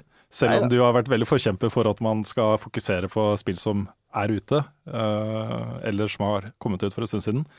Um, så er det mye informasjon, og det å på en måte ha muligheten til å sette all den informasjonen inn i litt system, kanskje organisere det på en uh, tilgjengelig måte, uh, presentere liksom, og så gjøre vårt utvalg da, av det vi mener er interessant å vise fram på etere, uh, selv om det er informasjon som finnes overalt. Uh, det føler jeg er verdt å gjøre fortsatt, sånn som vi gjorde i fjor også, hvor vi samla en del intervjuer uh, som var tematisk relaterte til hverandre. Og presenterte det som kom av nytt videomateriell fra spillene. Det er fortsatt rom for å gjøre det, syns jeg. da. Ja er absolutt. Men akkurat den der greia, det å gå fra liksom en sånn type prestasjon og skrive én sak fra den, eller legge den ut på nett eller et eller annet, det også føler jeg er uh, Det er det ikke noe poeng å gjøre. Nei, det er ikke det lenger. Altså, jeg har jeg oppdaget ting på eter òg. Altså, når jeg sto og venta på en Batman-presentasjon en gang, så var det ti minutter til den begynte, så da kom han Warner PR-fyren, som for øvrig var en av de få PR-folkene som skjønte hva de drev med, for han sa ok, du har ti minutter på deg, se her, se på det spillet her, det heter Bastion. Det er han karen der, han skalla der, det var en Greg Kasavian. Det han som lager det. Spør han om det å spille det, så kommer jeg og henter det om ti minutter. Og da oppdaga jeg Bastion, som jeg aldri hadde sjekka ut hvis ikke han hadde bare dytta meg bort dit mens jeg venta på den avtalen, og det, det var kult. Da, da, da så jeg et spill som jeg ikke hadde tenkt å se i det hele tatt, og da fikk jeg positivt inntrykk av det.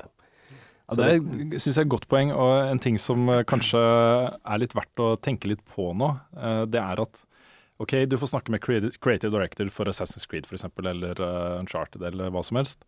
Veldig mange av disse spillene er jo ikke lenger uh, hva skal man si, skapt av en person, eller, uh, eller et, et, skaperverk, på en måte. Det er studiospill, akkurat som jeg snakker om studiofilmer. Ikke, ikke sant? sant? Det er fokusgrupper og minste felles multiplum og selge flest mulig kopier og sånne ting. Mm. Så det er, det er, ikke alltid de har noe interessant å si. Noe som kommer fra hjertet, noe som er uh, lidenskap bak. Dette handler mye om organisering av mye talent, liksom. Uh, de vi snakker med. Så ja. kanskje det er derfor vi ikke får de gode svarene. At de ikke er så personlig lidenskapelig involvert i, i spillene. Ja, At de gode svarene ikke fins. kanskje. Mm. Mm.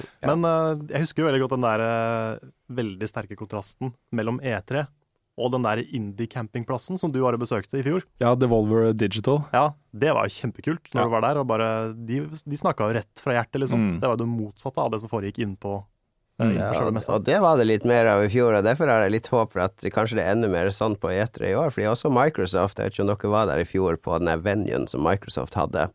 Eh, der hadde de i andre etasjen så hadde de satt opp alle de indie-utviklerspillene sine. Mm. Og der sto de utviklerne, de indie-folkene, sammen med spillene sine, og var så glad hvis det kom folk bort og ville prøve å snakke, om, og fortalte alt du ville høre om de mm. spillene. Mm. Ja, Det er samme opplegget i år. Vi er faktisk registrert på to sånne events hos Microsoft i år. En på et hotell på tirsdagen, og så er det på stand deres på onsdagen. Så vi får se hva vi går på. Men, mm. uh, men, det også var veldig OK i fjor. Vi var veldig slitne, husker jeg, da vi var på Microsoft Stand. Det var onsdag ja, det også i fjor, tror jeg. Det var da vi spilte eh, Sunset Overdrive og sånn, var ikke det? Det var der? Ja, stemmer. Sunset Overdrive og Ori and the Blind Forest og stemmer. litt Forutsa diverse. Mm. Men der sto jo alle utviklerne. Og det ja, var jo Swery satt jo der med D4, husker jeg, i fjor, i en sofa, og, ja, ja. og satt gjerne attmed deg og snakka om det mens du spilte det. Og... Mm. Det er, så det er kult med sånn free access til uh, når du, kan, når du slipper å gå inn i det møterommet, og det sitter to PR-folk og en kar i dress, og han ser på klokka, og de ser på klokka, og, ja. og så må du det, gjerne intervjue han sammen med to fra Tyskland som bare er interessert i hvor mange polygoner det er i sverdene, og hvor mange fiender det er i spillene. Mm. Mm. Sånn siste um, ting som jeg alltid har satt pris på med E3, da. Det er jo at jeg gikk på tre år på spilldesign skole. Og jeg husker jo, selv om E3 er definitivt en kjempe-PR-maskin, så er det jo også en veldig hyggelig forenende greie for folk som er interessert i spill. Um, det var jo sånn hvert år så samla vi oss hos uh, noen venner og satt i sofaen og poppa popkorn og så på streams, liksom. Det er hyggelig. Mm. Det er sånn jeg følte liksom at ja, det var en hyggelig sånn årlig forenende, forenende greie, da. selv om det kanskje ikke er skapt for å være det lenger. Nei, det er jo, uh, du har jo brukt det poenget en del ganger, Jon Cato, om at eter er en messe for liksom forhandler og den type ting. Det er ikke, det er, det er ikke snakk om å ta pulsen på spillmediet i så stor grad som det kanskje var før. Det er mer hva er det som kommer til å selge til høsten.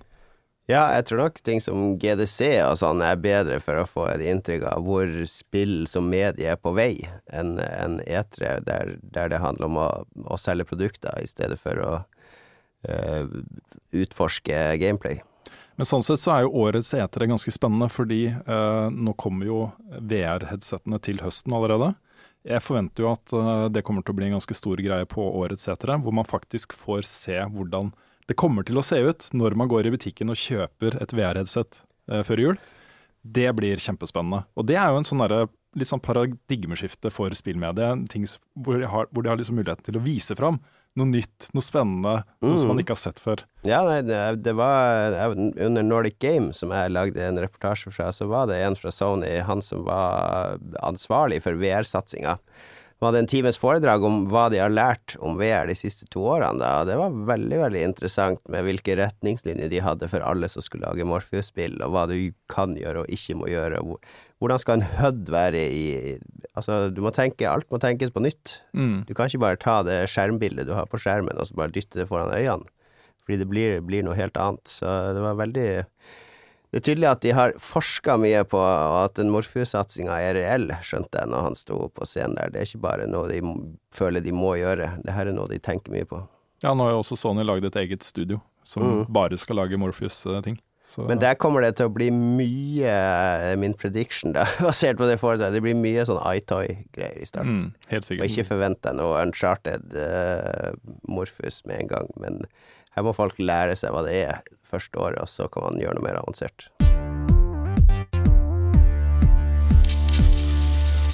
Stein Erik Bingslien lurer på om vi har hørt noe om et nytt Gran Turismo til PS4, og er det noen mulighet for at vi får høre noe om dette på E3? Det må jo bare komme noe snart. Har du gjort noe, Jon Cato? Jeg har ikke hørt noe, men eh, det er, det er høy sannsynlighet for at det annonseres noe rundt det, i hvert fall. Ja, det vil jeg tippe. Men hva kan de egentlig gjøre med den serien nå, som ikke er gjort? Jeg har gitt den ut på nytt, som de har gjort med de tre siste spillene. Det er jo strengt tatt det. Nå har vi kjørt på månen, kanskje vi kan kjøre på Mars? Jeg vet ikke. Det, det, siste, det, det siste Gran Turismo var veldig bra, da. Jeg likte det der kjøre på Mars, nei, kjøre på månen og kjøre gokart, og at de bare det var en litt sånn galskap i det, som, som, eh, som var sånn motvekt mot det edruelige forelskelsen de har i, i disse bilene. Så, så jeg vet ikke helt hva de kan gjøre med det. Altså, det begynner jo Jeg syns jo sånn bil-vei-simulatorkjøring begynner å bli litt kjedelig for seg, og Gran Turisme og sånn, fordi jeg, har brukt så mye timer på det at, at jeg klarer ikke å skille de helt fra hverandre lenger. Nei, man gjør jo ikke det. fordi når man har kommet til et visst punkt når det gjelder det å simulere bilfysikk og veifølelse og sånne ting, så er det liksom ikke så mye mer å hente der. Men det var én stor ting da, som det fortsatt er mulig å hente noe på, og det er jo virtual reality. Mm. Et Morpheus Grand Gran Turismo, for eksempel.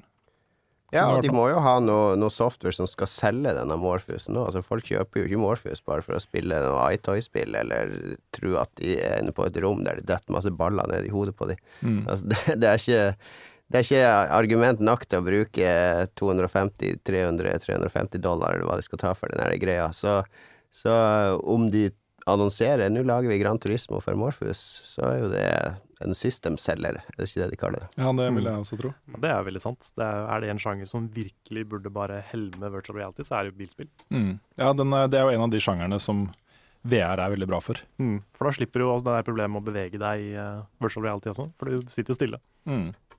Og så er det også sånn at uh, når jeg spiller bilspill, og da særlig simulatorer, så foretrekker jeg jo den derre in-car-viewen, hvor du ser liksom gjennom øynene til de som kjører. Mm. Sånn at når du eh, ser til venstre med venstre spaken, så beveger liksom hodet seg, du ser ut vinduet, Eh, istedenfor at du er liksom viewpoint er bak, da.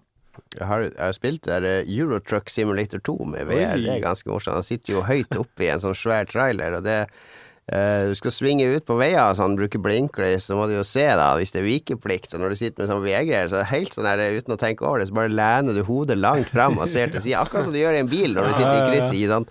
For å se om det kommer noe nedover veien der. og Det, det funker som bare det. Ja, det gjør det. Bjørn er veldig begeistra for Eurotruck Simulator. Han er det? Ja. Sånn på ekte, liksom? Jeg tror det. Han Wow. spilte på YouTube og greier. Jeg er ganske glad i det. Det er veldig sånn der uh, vet sånn Japanese businessmen, de liker Harvest Moon og sånn der kjøre T-banespill og sånn, fordi det er sånn banale jobber. Sånne helt konkrete arbeidsoppgaver, ikke noe stress. Og det er litt sånn Eurotruck Simulator, og jeg kjører fra Stavanger til Gøteborg med en last med ål eller et eller annet.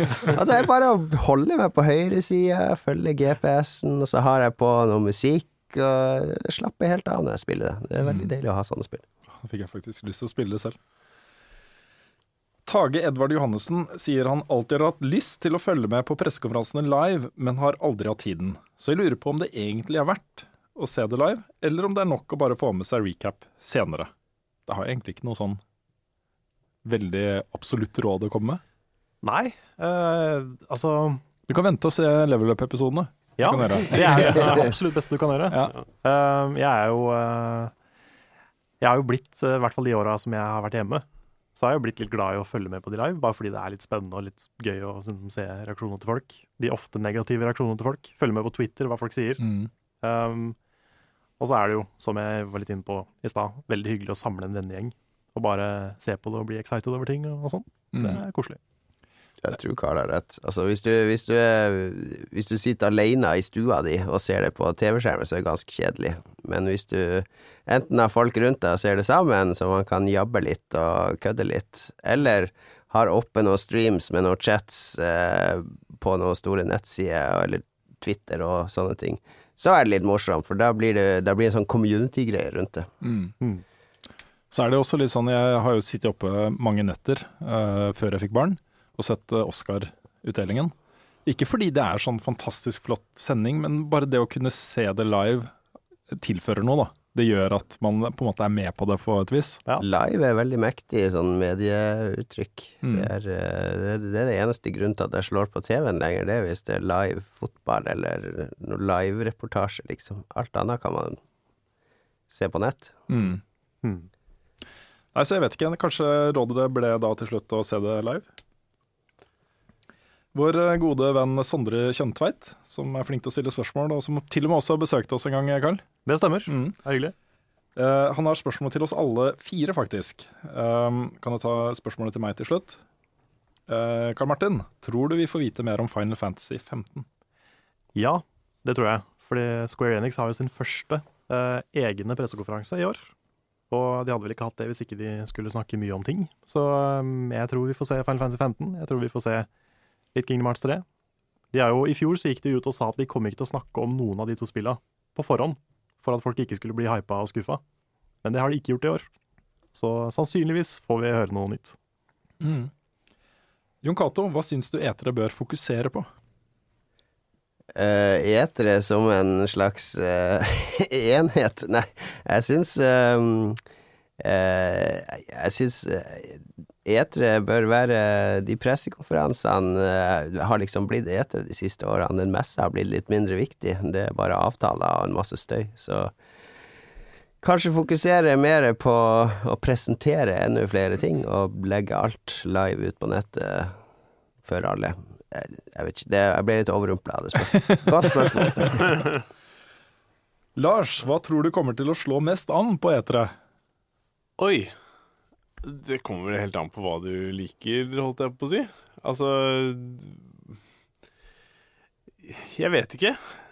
Sånn spillmessig så har jeg faktisk ikke peiling. Det er ingen spill som jeg liksom ser veldig frem til, eller som jeg på en måte antar at de kommer til å annonsere heller. Så um, Er du egentlig interessert i spill? hva, ja, i aller høyeste grad. Men man, har liksom, man vet jo alle disse her store franchisene som man har spilt. Man vet jo at de kommer, man vet når de kommer, sånn cirka. Man har liksom Sett trailer og teaser-trailer. Ja, ikke sant? Og så er det litt sånn at jeg vil ikke se ti trailere om et spill før jeg på en måte skal spille det. Han har lært av Trollolol. Ja, helt riktig. Godt jobba, Lars. Um, men, uh, men sånn bortsett fra det, så um, Hvis jeg bare skal snakke om eter i seg selv, så er det bare sånn å se de konferansene liksom, live, live i salen. Det gleder jeg meg til. Jeg fikk en følelse på det når vi var der i fjor som var helt, helt annerledes enn jeg noen gang har hatt når jeg har sett det på stream. Så Det er artig stemning når du sitter i salen. Man går glipp av litt sånn latter og sånn når man ser det på stream. Fordi da føles de her vitsene så utrolig plumpe og flaue på scenen. Når du ikke ordentlig sitter i salen og hører responsen sånn som den faktisk er. Var dere i Ubisoft-salen da Mr. Caffeine, han derre tuller, tuller, tuller, var på scenen? Var det Nei, noen nei, som nei, lo? Fordi det, det, Jeg var ikke i salen. Nei. Var du, Jon Cato? Eh, det, det, det husker ikke om jeg sa det kan, det kan hende at jeg har fortrengt det. Det kan hende. Ja, Men uh, jeg husker det ikke som så flaut som alle vil ha det til. Altså, Ubisoft, de, har, de, er, eh, de er litt han der rare broren som har liksom frikort til å gå fra middagsbordet og banke katta hvis han har lyst. så de får gjøre det. De har jo Aisha på scenen, så det, det veier jo opp for det meste. Ja, det er sant. Mm. Så har de den der eh, Det var ett år, han der CEO-en kom på scenen og bare Ubi or not Ubi. de, er, eh, de er gode på, ja, Ja, på det der. det er Hva er faktisk det det er for noe? De må beholde sitt fransk-canadiske galskap, spør du Ja. meg. Mm. Ja. Spørsmålet Sondre har til meg, er hva mine forventninger til Metal Gear Solid 5 er. Og de blir jo høyere og høyere, det har jeg sagt mange ganger før, men de blir høyere og høyere for hver gang jeg ser det. Nå er det jo kjempespennende uh, å se hvordan det faktisk blir til slutt, nå som vi vet at Hideo Kojima og Konami sentralt er i den maktkampen de er i. Uh, mye tyder jo på at Konami og Kojima nå skiller lag. Det er jo ingen som har gått ut og bekrefta det, men uh, alt tyder jo på at når Metal Gear Solid 5 er ute, så er også Kojima ute. Jeg antar at han ikke finner seg i eh, å bli liksom eh, Hva heter det? Avmyndiggjort. på den måten han har blitt. For Konami har jo sentralisert nå utvikling og alt mulig rart. Skal fokusere mye mer på mobilspill og eh, nett, eh, også webbaserte spill enn konsollspill, som alle de andre store japanske utviklerne. Og da er det jo ikke plass til en sånn autør som eh, Kojima lenger. Så, så jeg vet ikke. Det er litt spennende det, da. Altså, for jeg vil tro altså Metal Gear er jo så å si ferdig. Det er jo ferdig nå i sommer. Det skal ut i august-september, er det ikke det? Tidlig september. Ja, så det er så å si ferdig. Så Kojima han, eh, han vet antagelig at han er ferdig der nå i juli, eh, august. Og kommer Microsoft eller Sony til å ha fiska til seg? Kommer de til å annonsere noe på scenen at neste Kojima-spill blir et Sony-spill? Det har jo skjedd før. Eh, hva het han, eh, han som har lagd uh, Ninja Guiden-spillene og sånn her rocke... Han Itagaki. Nettopp. For han eh, også ble jo på en måte skvisa litt ut, Ja. da. Eh, og så dukka han opp, det var vel hos Microsoft, Ja. som skulle da lage et eksklusivt Microsoft, eh, altså Xbox-spill. Mm. Som jeg glemmer hva heter i farta, men jeg jeg, jeg vil jo tro at i hvert fall nå som både Microsoft og Sony kjemper hardt, og de også sliter med å ha liksom nok spill ute til å vekke interessen hos gamerne, at den som får Kojima på laget sitt, de har i hvert fall fått en del, eh, en million gamere med på sitt lag. Mm. Jeg tror ikke vi har sett det siste av Kojima, i hvert fall. Men uh, jeg har jo hele tiden tenkt at Metal Gear Solid 5 er i trygge hender. At det var såpass langt i, i prosessen da alt det bråket her skjedde, at ikke det kan ha påvirka sluttresultatet. Og jeg nekter å tro at Kojima er interessert i å slippe fra seg noe som han ikke er fornøyd med. Eh, Så i hvert fall som det siste Metal Gear-spillet hans etter alle sol solemerker.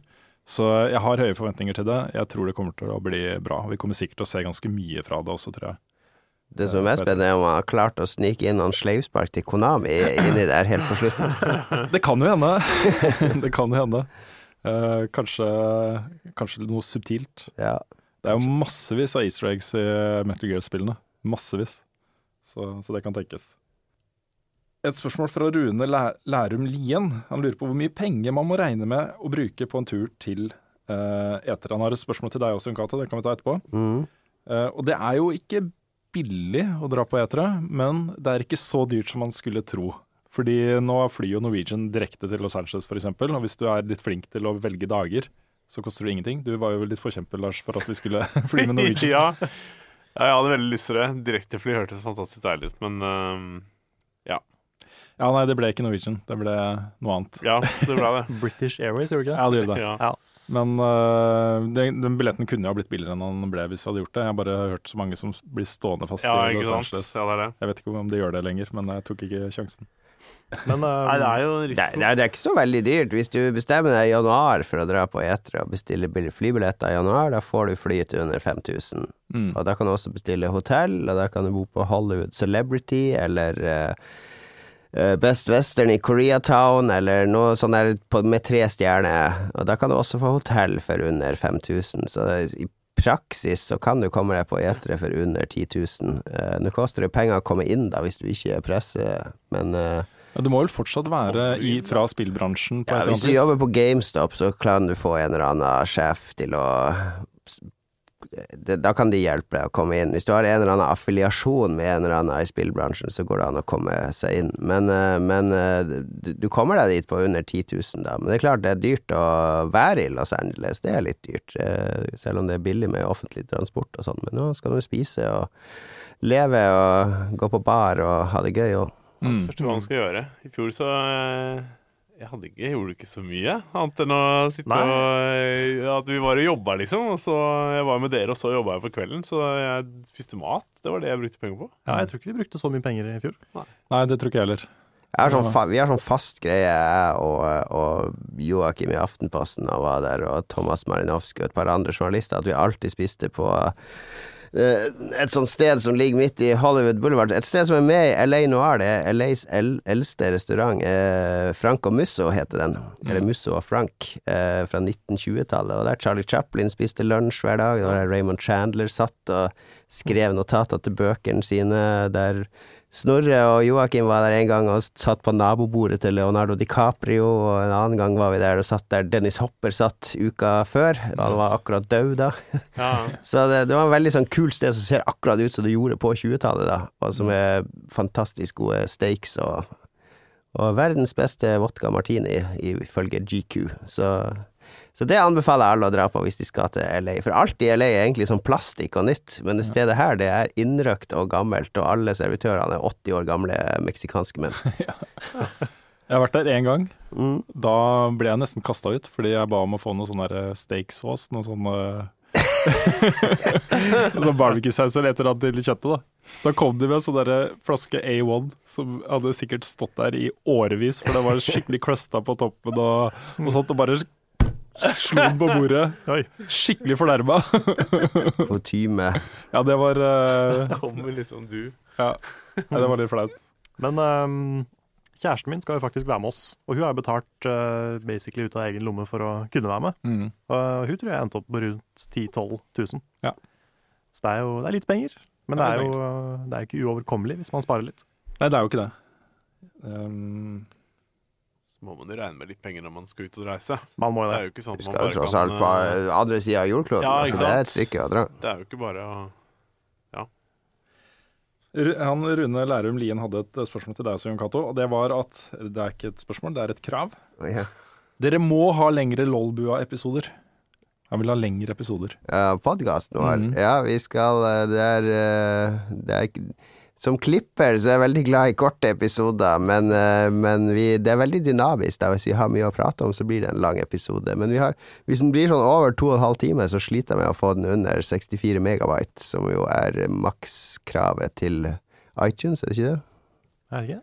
Jeg tror de har en sånn eh, filstørrelseskrav, kanskje, men Det hadde, kan ikke stemme. Jeg laster av mange podkaster som har over 100 megabyte. gjør du det? Ja, Ja. Det er kanskje vi som ikke er sånn her uh, stjernepodkast eller noe sånt. det? Er sikkert noe Ja, nei, men det, det, de blir, det er helt dynamisk, så det, det går av seg sjøl. Men, eh, men takk for at du hører på Lolbua. Veldig bra podkast, Jon Cato. Veldig bra. Takk, takk. Bra folk. Eh, Anders Almehaug har et eh, spørsmål som er eh, relatert til ikke det, men det forrige spørsmålet. Han sier han vurderer å ta seg en tur på E3 til neste år, og han lurer på om vi har noen tips til reisevei eh, hvor det lønner seg å finne hotell, som do's and don'ts for turen. Ikke mellomland i New York. Ikke mellomland i USA. Nei, det er sant. Ja. Uh, USA har veldig, innført veldig veldig strenge restriksjoner på, eh, på innreise. Uh, og det som skjedde i fjor, var at vi ble stående i halvannen, nesten to timer. Bare på sånn passkontroll og, og eh, customs Hmm. uh, i New York. Og gikk nesten, det var på hårsbredden, glipp av uh, flyen. Fly Ja, videre. jeg tror de, de hang igjen flyet, gjorde de ikke det? Fordi, Ja da, for det mange- skulle, det skulle ha letta da vi gikk Mm. om bord på det flyet, og svetten rant, i hvert fall meg. Ja, ja, vi- alle. Ja, vi løp, vi løp liksom gjennom terminalen for å rekke det flyet. Uh, det, det er helt forferdelig, og det er så dårlig start på turen, liksom, Mm. når, Ja. når det skjer. Det er sant. Så eh, fly liksom direkte til eh, det stedet du skal, altså til Los Angeles, eller eventuelt Vegas. Fordi det er et tips jeg kan komme med, er at eh, det er en gyllen mulighet til å komme seg til Vegas hvis man skal til Los Angeles. Fordi det går jo direkte fly dit også, fra Europa. Eh, og bilturen eh, Vegas-Los Angeles tar liksom fire-fem timer. Den er veldig OK for oss.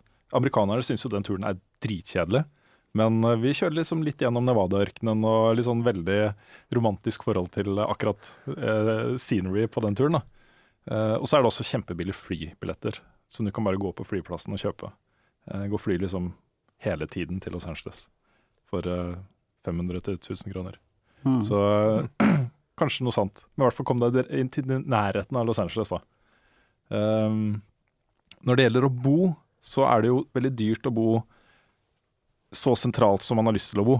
Uh, det å bo liksom midt rett ved siden av messa, f.eks. på de nye hotellene som er der, f.eks. Og også de som er bare en par kvartaler unna. Da begynner det å Det er ganske dyrt. Eh, men det går en metro i Los Angeles som eh, går helt downtown. Eh, den har stopp rett ved messa også, faktisk. Så hvis man bor i nærheten av et sånt metrostopp, så er det mange muligheter inne i Koreatown eller oppe i Hollywood eller et eller annet. Eh, Så se på kartet. Er det en metrostasjon i nærheten, så kommer du deg veldig lett til messa. Og og det er ikke sånn metro som du har sett på film i New York, der, eh, der alt skrangler og eh, alt er tagga ned og det er full av kriminelle. Det er en veldig ren og fin metro, faktisk. Den vi stoppa på, var ikke så rein og fin. Nei, den var ikke det. Der, der var det litt skumle kriminelle og folk Ja, som som fulgte etter folk og Ja. sånt. Bloods kanskje- og Crips og sånn eksisterer der, men, men sånn boe med altså, hvis du ikke har noen sånn affiliasjon til bransjen og bare skal dra dit og kommer deg inn på et eller annet vis, Så det er ganske slitsomt å være på den messa tre dager. Jeg ville ikke bosatt meg rett attmed den messa, for da bor du i sånn ingenmannsland. Altså downtown LA er en gigantisk by, og hvis du har vært i Oslo, og Stockholm og København, så tror du at du har vært i svære byer, men du har ikke vært i LA. Fordi LA er en veldig sånn flat by. Det er ikke sånn som New York, der alt er samla på Manhattan, og så har du bydeler rundt. Det er liksom Alt er flatt. Sett hvor langt du går eller kjører, så er det bare hus, hus, hus, hus, hus, hus, hus og forretninger overalt. Så, så, mitt råd er egentlig å ha bil. Det er bilby nummer én, og de årene jeg har hatt bil i LA, har vært veldig, veldig behagelig, fordi det alle kjører overalt. Ok, det er litt kø i rushtid og sånn, men det kan, hvis du er der på ferie og skal på eter, så trenger du ikke å kjøre inn i rushtida. Du kan kjøre og være på messa klokka tolv og slippe alle køene. Du kan kjøre hjem seint på kvelden og slippe køen. Da kommer du deg overalt. Og det beste stedet å bo hvis du skal også ha litt ferie i LA, det er ikke downtown eller Hollywood, det er ute på Venice Beach. Mm. Venice Beach er sånn det er, der hippiene drar for å dø. det er et sted full av freaks. Det er der The Doors kommer fra. Det er et sted full av kulturhistorie. Uh, og det er ganske, ganske, mye rimelige steder å bo der, sånn som Cadillac Hotel og andre ting, som er hoteller rett ved stranda, der du kan gå ut om morgenen i badebuksa, gå over stranda, hoppe over alle uteliggerne som ikke har våkna ennå, som ligger og sover på stranda, og så kan du bade i Stillehavet og se etter David Hasselhoff. og spille Baywatch-musikken mens du løper i sånne røde badeshorts og tar opp i sakte film på iPhonen din. Da, da har du ferieminner for livet. Jeg syns det er interessant du sa David Hasselhoff og ikke Pamela Andersen her. Ja, det er Pamela Andersen. Hun er Ja, du, du om det.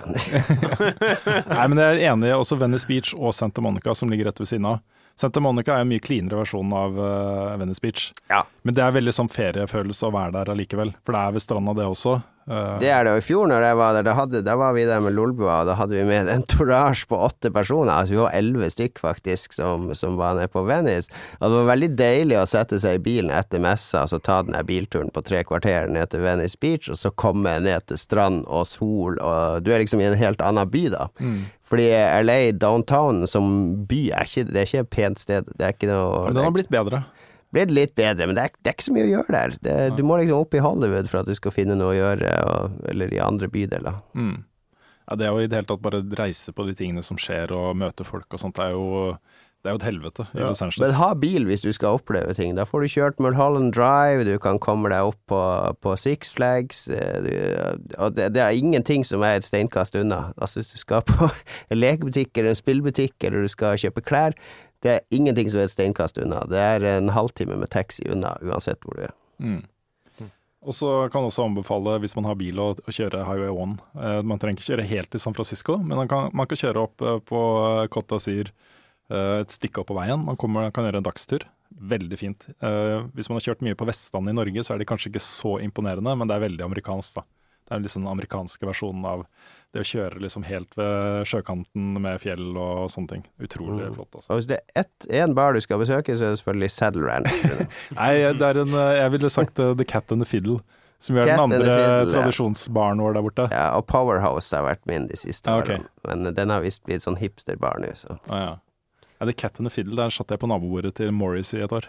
Det var en stor, stor opplevelse. Da spiste du masse kjøtt, og så slafsa i hans retning. ja. Så han du mista masse kjøtt på inne, og nei. Um, Rune Askerud lurer på om vi har noen forventninger til The Division. Uh, og tror dere det vil komme The Last of Us 2? The Division. Du er glad i shooters, eh, ja, Lars? Jeg, eh, jeg gleder meg kjempemasse til spillet. Igjen, jeg har ikke sett noen trailer. Jeg følger ikke med på noen av de tingene der, men eh, jeg håper at det bare kommer. Og så at jeg bare kan spille det. For det har blitt utsatt og utsatt mange ganger ja. Det er Jeg ser veldig fram til spillet. Det ser så bra ut, og så interessant av de tingene jeg har sett. Så det er jo Ja. Men det kommer ikke til å komme uten 100 trailere først? Nei, det er Ja, det er det, da. Men um, var det ikke noe som sagt om at Ubisoft hadde lært av de greiene der, da? Var det noe et eller annet de hadde gjort? De hadde sagt det selv, at det et eller annet? Altså, han creative director for uh, Watchdogs gikk jo ut en mm. stund etterpå og sa at uh, det spillet ble for mye eksponert mm. uh, i forkant av lansering. Og det ble det jo. Det hadde mm. blitt en helt annen mottagelse hvis det bare kom. Mm. Ja. ja. for det, det, er mitt problem med Ubisoft om dagen, at jeg blir lei av spillene før de kommer. Mm. Og det, det, kan skje med The Division nå, hvis ikke de Hold Ja. det litt tilbake. Men der har det jo vært helt stille nå, veldig lenge. De har ikke vist noen ting. Det har ikke vært noe eh, spillbart ut. Det er, ingen, det er ingenting, liksom. Så er det bare å unngå å se det, det som kommer. Ja. Hvis man vil liksom ja. Tror du kanskje de har lært av Destiny der og gjort det litt mer som Destiny? Altså som sånn levende Ja. spill som man skal inn og spille hver uke og Kanskje. Mm. Ja. Ja, for det, det er jo på en måte mye av premisset her er at du skal ta tilbake byene. Ja, for Destiny får jo mye kjeft, men Destiny har solgt vanvittig mye. Det var den mest solgte nye franchisen i fjor, eller et eller annet sånn innspill. Så det, det setter jo spor etter seg. Mm. Og de, de gjør mye riktig med å holde på spillerne. Så, så jeg vet ikke helt hva slags hva Division skal være utenom at det er sånn lagbasert shooter. Mm. Eh, hva med The Last of Us 2, eller en oppfølger til The Last of Us? Da må jeg spørre tilbake, vil du ikke heller at Naughty Dog skal lage en helt ny tittel? Ja, Altså, vi har fått The Last of Us, det var fett. Hva med om de lager et sci-fi-spill, eller et eller annet som ikke Det trenger ikke å bygge på det som du kjenner fra før av. The Last of Us hadde ikke vært så kult hvis det hadde vært eh, Uncharted 4 med postapokalypse, ikke sant? mm. Eh, Naughty Dog er tradisjonelt sett best når de eh, får lov til å leke seg med noe nytt. Ja. De har jo også f.eks. Uncharted 2 er jo i mine øyne et mye bedre Ikke mye bedre, men et bedre spill enn Uncharted 1. Hvor de fikk liksom gjort ting som de kanskje hadde lyst til å gjøre i det første spillet, men som de ikke hadde tid til eller mulighet til. Så de kan jo liksom De har vist at de kan legge hele sjela si i oppfølgere også. Og jeg føler jo at The Last of Us-universet er eh, Det er rom for videre utforskning der. Det er rom for nye historier og nye rollefigurer og eh, alt mulig rart. Men jeg er jo også enig med deg. Eh, The- Last of Us for meg, med den slutten og alt liksom føles som en veldig sånn komplett pakke. Ja, det er mye mer Pakke. komplett enn Uncharted, for Uncharted er mye mer sånn Indiana Jones. Altså, Mm. Det er ingen grense for hva vi kan lage her, for vi kan dra på eventyr hvor som helst. Ja. Mm. Mens Last of Us har en, en start og en slutt, og den verden Jeg har ikke noe stort behov for å dra tilbake til den verden og møte clickers og alle de der som, som en annen hovedperson med et annet plott. mm. Da vil jeg heller oppleve noe helt annet. da. Nei, det er gud bedre så mange bra eh, spill Naughty Dog står bak. For en, eh, for en CV det er. Karsten Suso Solheim lurer på om vi tror Level 5 annonserer Nino Kuni 2. Ja, uh, har det vært noen rumors, noen spekulasjoner om Ikke det? hørt noen ting. Nei. Level 5 har hatt, hadde for noen uker siden en stor årspresentasjon i Japan, og det var Beklager skuffer, men det var bare mobilspill omtrent. Det var det. Ja. Så ble vel ikke Nino Kuni den eh, store, store selgeren heller. Nei, jeg vet ikke. Ikke i forhold til investeringer og tida det tok å lage det, visstnok, men de har sånn som det der um, 3DS-spillet som de har, det der far, This Farming Life Nei, hva heter det for noe? Det er et, det har, de har et sånt rollespill på 3DS som er blitt ganske stort i Japan, i hvert fall, som det kommer en oppfølger til på mobil. Så, så de Som alle andre japanere, så går de etter pengene. Mm. Så eh, sannsynligvis ikke. Jeg hadde ikke blitt skuffa hvis det hadde kommet, for eh, eneren var kjempe, kjempebra. Og det er en verden som de kan gjøre mer med. Mm. Um, men uh, jeg vet ikke. Jeg ville ikke holdt pusten. Han har også et uh, spørsmål uh, som er rett og slett eh, Blir The Last Guardian vist fram? Ha-ha. jeg, eh, jeg tror jo ikke det, men jeg håper. Det er, eh, det er som jeg gjør hvert år. Kanskje, liksom- kanskje dere sultestreiker på Sony sin presse... Nekter å gå. Lenker dere fast Ja, ja, ja. og sultestreiker før dere får se The Last Guardian. Nei, altså, The Last Guardian er på en måte en sånn Det får komme når det kommer. Jeg vil gjerne at det skal komme, og jeg vil gjerne ha det så fort som mulig, men eh, det er liksom det, det er så mange andre spill å spille. I hvert fall ett annet spill å spille. uh, Mathias Kjelstad uh, sier Kommende søndag så skal Masahiro Sakurai ha en mini-direct. Og det er vel han som uh, står bak blant annet Smash Bros. Ja, det er vel Smash Bros han driver med nå, Ja, stort sett. jobber i Sora, som er uh, vel eid av Nintendo, eller i hvert fall uh, second party. Jeg husker ikke helt det. Um, hva håper dere mest på at kommer derfra? Hvilket spill fra Nintendo er det dere gleder dere mest til å få vite om på E3? Eh, ja, han har flere spørsmål, så vi kan ta de to først. Ja, altså det er vel mest sannsynlig en uh, Smash Direct, uh, hvor jeg kommer til å snakke litt om uh, nye DLC-en, Lucas, og eh, sannsynligvis kanskje annonsere noe mer ny DLC. Det er vel det de kommer til å gjøre. Ikke noe helt nytt uventa, tror du? Nei, altså det er mulig jeg tar feil, men jeg mente det var en sånn pure Smash OK, direct. greit. Så, A new challenger approaches. yes. Mm. Så, men jeg sier aldri nei takk til nye folk i Smash Bros. Da kan jeg lage en sånn reaction-video der jeg sitter Gjør det. Bare Ridley blir annonsert, og du bare sover. Eh, Jeg lurte på også hvilke spill fra Nintendo det er vi gleder oss mest til å få vite noe om på E3. Det er kanskje mer interessant å snakke om. Ja, jeg må tenke litt. Vil noen begynne? Lars? Altså, jeg, jeg har ikke så mange Nintendo-spill eh, som jeg holdt på å si har god kjennskap til, annet enn Super Mario Brothers. For det er liksom det jeg har, har spilt mest. Så Nintendo-spill er jeg Ja, jeg er ikke så inni det. Så jeg har ingenting jeg ser fram til. Men jeg, annet enn øhm, dette her Zelda-spillet, da. Som de jo kom med i fjor. Så Det er flere som har spurt oss om det også. Nintendo har gått ut og sagt at de ikke skal vise noe fram fra nye Zelda på E3. Men uh, jeg tror nok de kommer til å gjøre det likevel. Altså. Det kommer en liten en på slutten. Et eller annet. en liten en på slutten. Men jeg tror ikke Selda kommer i år. Men jeg tror sånn som de, de retro studios, de som lagde Donkey Kong Country Tropical Freeze, som kom ut for over et år siden, de må jo ha holdt på med noe, nå de siste to årene, antagelig. Og de som lagde Metroid Prime.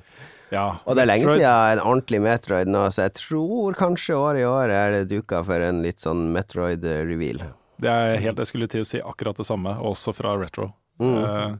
Jeg er jo veldig spent på hvilken retning de går der, fordi nå har de jo fått eh, massevis av bra 2D Metroid-spill. Du har fått eh, tre veldig gode eh, 3D Metroid-spill, og et eh, som det er veldig delte meninger om, sånn 2,5D-spill. Ja, det var ikke så ille, det. Nei, altså, hvis man tok det for det det var. Nettopp. Hvis du klarte bare å ignorere historien, så Ja. var det mye gameplay der som var veldig bra.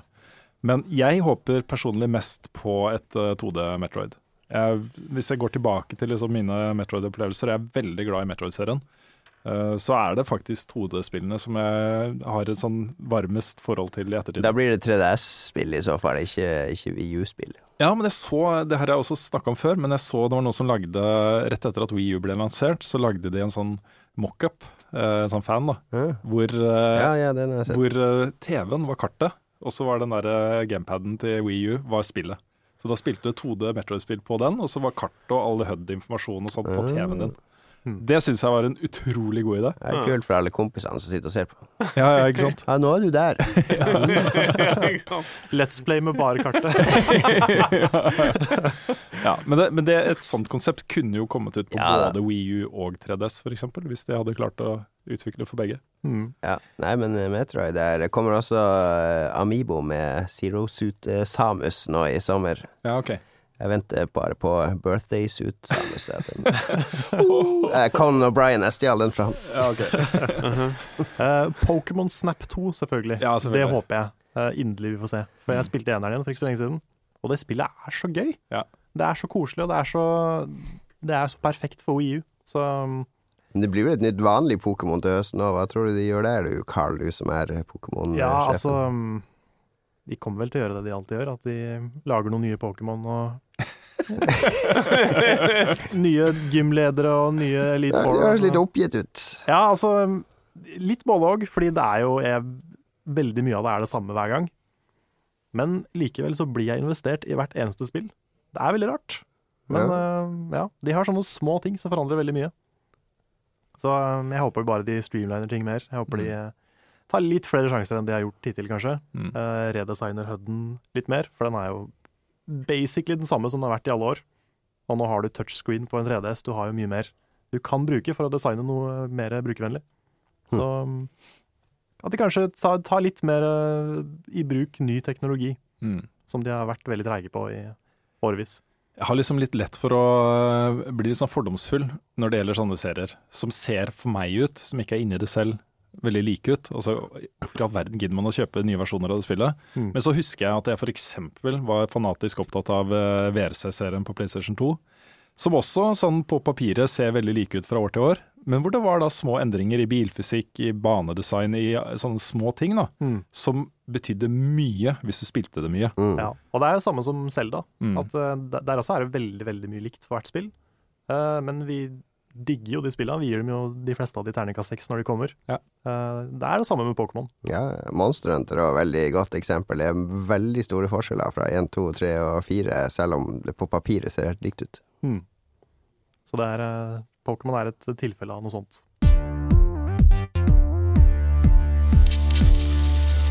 Markus Rønne Malmo lurer på blir det Dishonored 2. Hva kan vi forvente oss av det? Du, men, du tror det? Jeg tror det. Ja. De har jo gått ut i fjor en gang, så kom det ut noe sånn promomateriell. Det var en, en brosjyre eller et eller annet i forbindelse med noe investormøte. Jeg husker ikke helt hva det var. Men, men det var da med en Dishonored 2-logo, og det var noe et eller annet som var liksom Og så, det kommer jo et Dishonored 2. Det gjør jo det. Uh, og jeg tror årets etere blir året de presenterer det for første gang. Så det er min, mitt stalltips. Uh, og jeg blir jo ikke lei meg hvis det skjer. Nei, det kan godt hende det kommer Dishonored 2 det var et veldig kult spill, så det, de kan godt lage noe nytt der. Kanskje en helt ny setting og sånn. Jeg føler det er et spill som kanskje kunne gjort som Assassin's Creed og hoppa litt sånn vilt i tid og setting, og bare med samme premisser rundt det du skal gjøre. At du får powers, og at du kan snike, og at du har hele det thief-fundamentet. Ja, for det som, det som skjer i Dishonored 1 er jo at uh, det er sånn kaos rundt hvem som skal regjere og, og sånne ting, og så Mm. løser det seg på en måte på slutten. Så det går jo an å komme inn liksom 50 år etterpå eller uh, et eller annet, og så går det an å gjøre ting i dette universet som Mm. er relatert. Uh, så jeg håper jo det gjør noe sånn. Jeg er ikke sikker på om jeg har lyst til å spille som, uh, som samme person en gang til, men uh, um, Jeg føler han var ikke noe sånn sterk helt eh, sånn, som jeg husker jeg har lyst til å vende tilbake til støvlene til. Nei, men han var en eh, Jeg syns han var bra designa også. Ja Eh, Det var eh, mye i karakterdesign og, og ting der som jeg likte veldig, veldig godt. Men det spørs hvem de har med på det spillet, fordi det, Dishonored 1, noe av det som gjorde spillet veldig i stor grad, var jo designet. For det var jo han, det samme fyren som har, var designer på Half-Life 2. Altså en tegner som, som sto for disse høye robotvesenene med lange bein. Og, Ja, og hele City 17.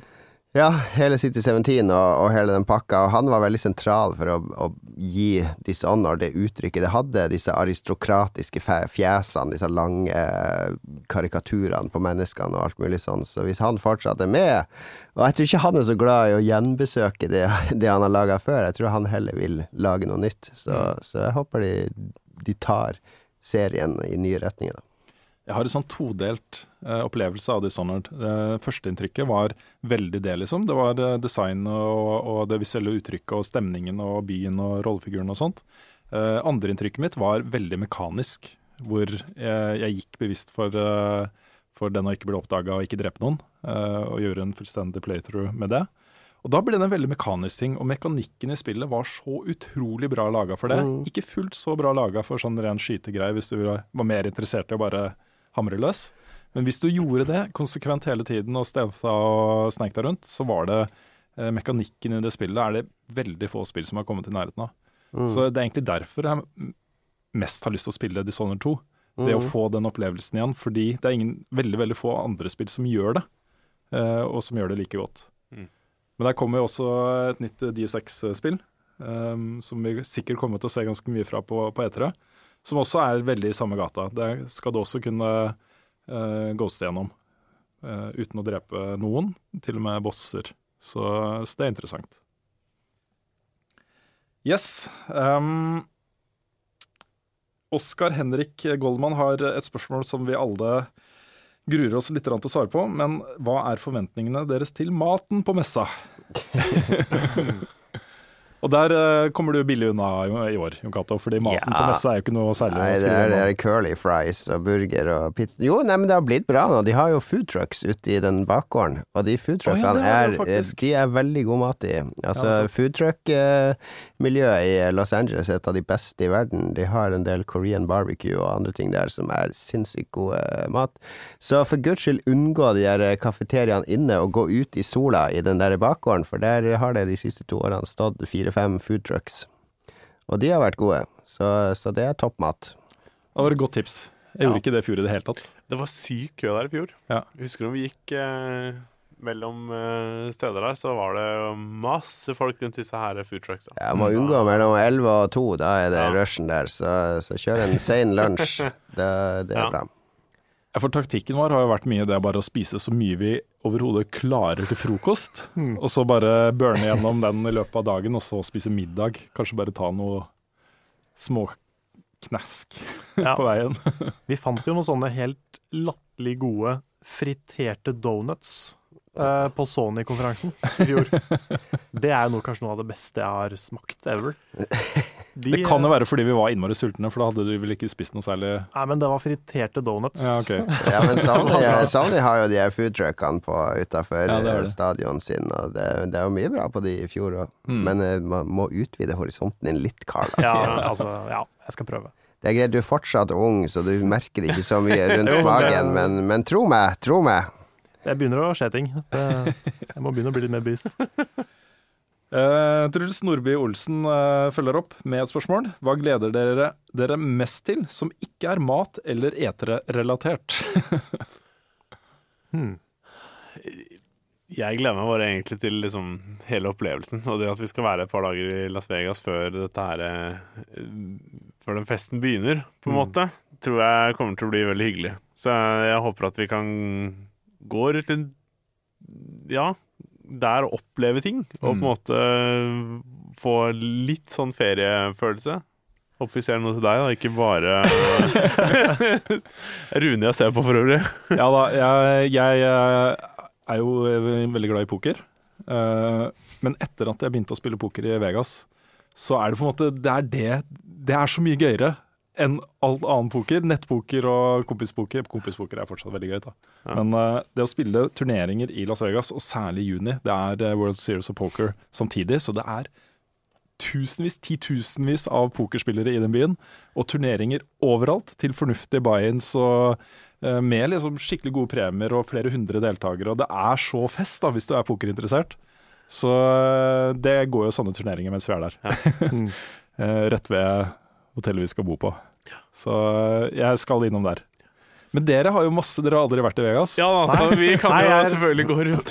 Jeg er helt enig med Lars. Det er liksom å gå rundt i Vegas og finne ting der. Ja. Det er det jeg kanskje gleder meg mest til. Ja, fordi bare det å gå langs eh, The Strip, som jo er et stykke unna der vi har hotell, det er ganske dyrt å bo på The Strip, så vi valgte å bo downtown. Eh, det, bare det er jo en opplevelse, å stikke innom de ville hotellene og bare kikke, liksom. Ja, for jeg, jeg satt med Kristine og gjorde litt research i går, Ja. og vi fant uh, noe som het So Good Arcade. Ja. Og det er en japansk arcade i Vegas, Okay, uh, som har blant annet uh, Dance Dance Revolution, Ja. som eh, hun gjerne vil finne. Mm. Men det, ja, de arkadehallene er på sterk fremvekst i USA nå, for jeg snakka med en eh, venn av meg som driver med arkademaskiner her i Norge, og han har nettopp vært på researchtur der borte og, og sier at det miljøet det vokser sterkt nå, og det integreres i barer og, og, og ting og tang, så det, det går an å finne mye bra der. Mm. Ja, kult. For der, der må vi jo Det må vi få med oss. Ja. Ellers er jo Las Vegas er jo en eh, by for uh, uh, gode matopplevelser. Veldig mye bra restauranter i Vegas, hvis man vet hvor man skal lete etter det. Uh, veldig mange bra klubber. Da står jeg på deg, Lars. For det liksom er det Jeg jeg som skal stå der og Ja. Ja. Nei, men det er greit, det.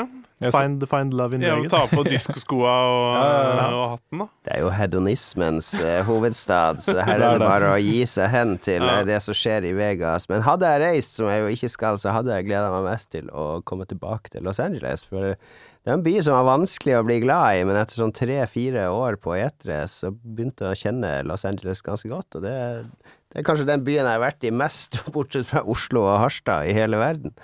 Så, så jeg er blitt veldig glad i den byen. Jeg lest krimbøker fra, fra Los Angeles og eh, kjenner meg igjen der. Og spesielt GTA 5 blir en helt Mm. annen opplevelse når du har vært i Los Angeles og ser jøss, det er jo faktisk helt likt. Ja, det Ja, det var Ja, faktisk det er en eh, opplevelse som jeg ikke hadde forstått engang, før jeg kom dit og bare I all verden, jeg har liksom sovna og våkna opp i GTA 5, liksom. Det var sånn, altså. Når jeg gikk ut av motellet om morgenen, så var det bare sånn herre Ja, det motellet vi bodde på. Ja. Jeg er sikker på at jeg har kjørt forbi det i GTA5. Ja, jeg er helt sikker.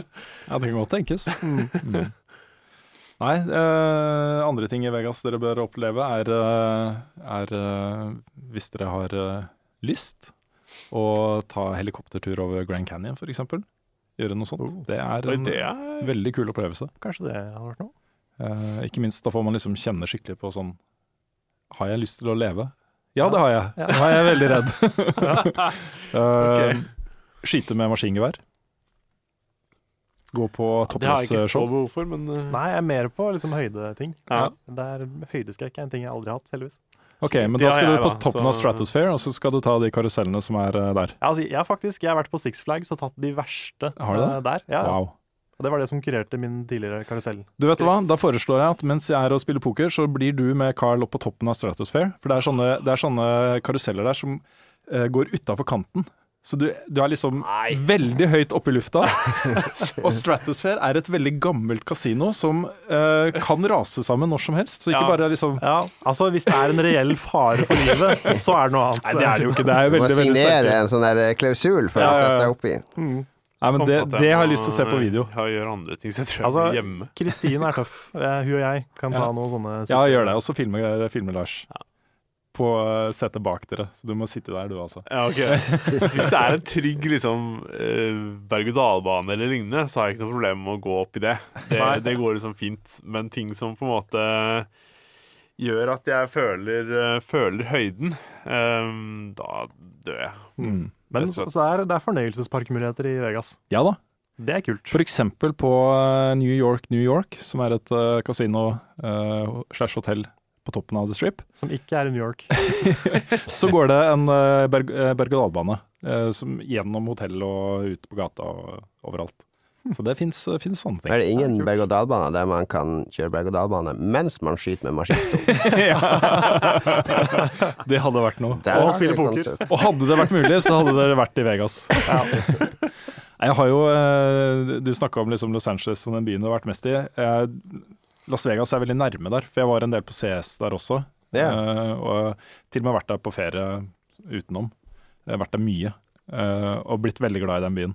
Og det er fordi det finnes ikke noe sted i verden som er som Vegas. Det er en veldig veldig spesiell følelse å være der. Eh, folk som er der er veldig annerledes. Det er eh, vanskelig å vite når det er dag og når det er natt. Det er liksom mange sånne ting da, som gjør at eh, man føler virkelig at man er et helt annet sted. Og nesten blir en annen person, ikke helt liksom, men at man eh, er veldig langt utenfor det man vanligvis gjør. da. Eh, så jeg har blitt veldig glad i den. Uh, har så mange gode opplevelser i den vinen. Altså. Vi burde vært der lenger. Og fått med oss alt. Ja. Hele Vegas. Ja, da hadde jeg blitt skilt. Ja, ok. Ole Henrik eh, lurer på, har et spørsmål til deg, Lars. Får du bli med rundt på messa og se show, eller blir du låst inne på hotellrommet for å redigere? uh, nei, altså i fjor så var jeg jo med på messa overalt, men det var jo mm, Det var vel på tirsdagen så satt jeg og redigerte Nintendo-innslaget. Mm. Eh, mens dere var ute og gjorde intervjuer og, og var på Microsoft-stand og sånn. Men um, Nei, jeg får jo lov til å være med på ting, men eh, kveldene, i hvert fall, i hvert fall mandagen, kommer til å bli travel. Og det er sånn, det blir sånn der, det blir, det blir veldig glede og veldig mye jobb. Det er bursdagen min samtidig, bare sånn Oi, eh, oi, oi. Så det blir sånn der, det blir sånn uh, kaos av alt den dagen, rett og slett. Så jeg gleder meg veldig. Det blir en fin bursdag. Jeg er helt sikker på det. Men en fordel er jo at uh, vi ikke skal lage den siste greia i år. Så da, etter at du er ferdig med Nintendo, så kan du egentlig liksom være med på moroa resten av turen. Ja, riktig. Ja, Nei, men da Så det er det jo bare å glede seg. Ja, da forhåpentligvis får du enda mer ut av det i år. Ja. Um, Ole Kristian Rudstaden lurer på hvordan våre kjærester, koner, hunder og barn eh, takler at vi er borte så på tur så lenge. Eh, nå slipper jo du det problemet, men du hadde vel kanskje det i fjor? Ja, men det er jo strengt tatt ikke så lenge. Altså, jeg har en kone som er på seminarer her og der eh, rett som det, og det varer gjerne tre-fire dager, og da er det gått en hel uke plutselig, så Så det, det er ikke uvanlig at man må reise i forbindelse med jobb. Det er ikke noe uvanlig å være borte en uke hvis du har en jobb som, som krever det. Så, Mm. så det bare Det må man bare tilpasse seg. Jeg er jo enig, eh, selv om eh, jeg må jobbe ganske lang tid i forveien med å forberede kona på det. Eh, at jeg skal borte, være borte en uke, ca. en uke, litt over en uke. Det er jo Jeg, jeg syns fortsatt det er litt vanskelig å pålegge kona å ta begge ungene i over en uke, for det er ganske slitsomt. Ja, du har jo barn på to og fire. To og fire, det er ganske rock'n'roll hjemme om dagen. Det er jo verste alder nå, da. Det blir bare lettere med årene, så det er ikke noe Nei. Det er ikke så Det går seg til. Mm. Men jeg er jo enig, også jeg har en jobb hvor jeg egentlig burde ha reist mer. Vi har sagt fra masse reiseting fordi jeg er i den livssituasjonen jeg er i. Uh, mens kona har en jobb, uh, hun jobber i uh, skatteetaten. Så det er jo ikke så mye reising der. Så hun har på en måte ikke den samme greia å komme med. da. Jeg kan ikke liksom si at ja, du har vært på en ukes seminar i Paris, liksom, så da kan jeg dra til Las Vegas og Los Angeles. Så det, jeg har ikke den, da. Jeg må tilby andre ting. Så jeg har Hun har f.eks. bodd en uke på et hotell. bare sånn midt i ingenting. For å kompensere da for at jeg er borte på jobb. Ja, bare sånn helt alene, liksom? Bare Ja, sånn slapp av. ta seg en ferie, liksom? Ja. Ja, så deilig. Så, så men prøve å tilby litt sånt, da. Ja. Så Ja, men det er bra. Så må du man ha med bra en med fin reisegave hjem, da. Dra innom Victoria's Secrets og sånn, vet du. Så, Ja. blir, så blir de så glad når du kommer hjem. litt duftlys og Men, men silkeundertøy. hvordan takler diesel, diesel eh, Lars? Oi, det er jo det er, det er lang tids forberedelse, selvfølgelig. Um, så vi er på sånn avvenningskurs nå, da. Så han er, um, har noen timer han må være vekke fra meg hver eneste dag nå. Så det blir lengre og lengre til jeg drar, selvfølgelig. Ok. Så um, Så når du blir helt borte, så tror han bare du er borte for alltid. ja, Mm. det, det er det som er greia. Og når jeg kommer tilbake, så er han jo øh, eksploderer han i glede. Så det er jo Ja. Nei da, vet du, det går kjempefint. Han er øhm, Mine foreldre tar seg av han mens øh, jeg er borte, så det er helt supert. Og Carl, du har jo med deg kjæresten din, så for Ja. deg er det ikke noe problem. Ikke noe problem. Vi, vi takler det med at vi drar sammen. Rett og slett. Så det er veldig bra. Mm. Jeg husker det var ett etter jeg dro på, hvor jeg akkurat hadde blitt sammen med Katrine, som nå er kona mi. Uh, vi hadde vært sammen i to uker, liksom, sånn offisielt. Og det å dra, og da hadde vi i tillegg booka en eh, uke i Vegas uh, samtidig, for det kunne jeg gjøre. Jeg var jo singel. Mm. Så være borte to uker da, det var helt forferdelig. Da ville jeg bare hjem hele tiden. Ja. Men det er sånn der, for da sitter du bare og tenker at tenk om noe har forandra seg når jeg kommer hjem. Ja, ikke sant? Mm. Og ja, den, det året så reiste jeg med Jarle og de Pressfire. Um, Maren tror jeg også var med. Jeg, jeg var jo et vrak. Jeg gikk jo bare og sutra over eh, hvor mye jeg savna Katrine. Og det var helt forferdelig. Sikkert kjempekult for alle de andre. Ja, veldig, veldig kult for de andre. Sprudlende Rune. ja. Vi avslutter ved med et spørsmål som veldig mange stiller oss. Uh, og et spørsmål som på en måte går litt uh, igjen fra år til år, og som er et veldig viktig spørsmål for mange. Markus Rønne Malmo spør hvem vinner etere? Har vi noen uh, følelse for det allerede nå? Og det ble stille. Det, altså I fjor så var det jo liksom Xbox så ekstremt tydelig, for, for meg i hvert fall, som endelig klarer seg å levere noe etter at det er Xbox One-fiaskoen sin. Så Men eh, jeg vet ikke. Altså, Jeg har lyst til å si Sony, men de har jo gått ut og sagt at de har lite First Party-spill i år. Så eh, kanskje de har en litt sånn laber eh, E3? Jeg sier uh, PC. For første gang så skal det være en PC-pressekonferanse i Ah. regi av Det er ikke PC-gamer, og masse sånne eh, hardware-produsenter. Ja, alle de og- tunge hardware-produsentene Ja. og en del av de store PC.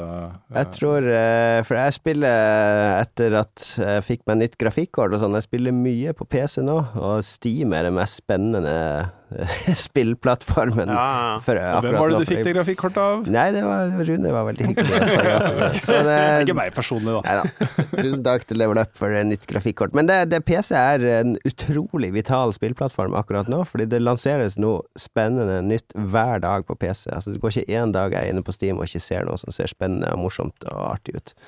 Så jeg tror, eh, jeg tror Hvis du får se ti spill hos Microsoft og ti spill hos Sony, så kan de PC-pressekonferansen rulle ut 50 spill på løpende bånd, alt fra indie til relativt store titler. Jeg tror, det kan, jeg tror de kan bli en stemme som er verdt å lytte til. Ja, Den konferansen skal være tre timer lang, skal den ikke? Jo, den er, er satt av tre timer. Ja. Jeg er helt enig med deg, Jon Cato. eh, og det er to andre ting som også eh, på en måte støtter opp under PC som spill, spillplattform i år. Det ene er eh, Steam Machines, som kommer til høsten.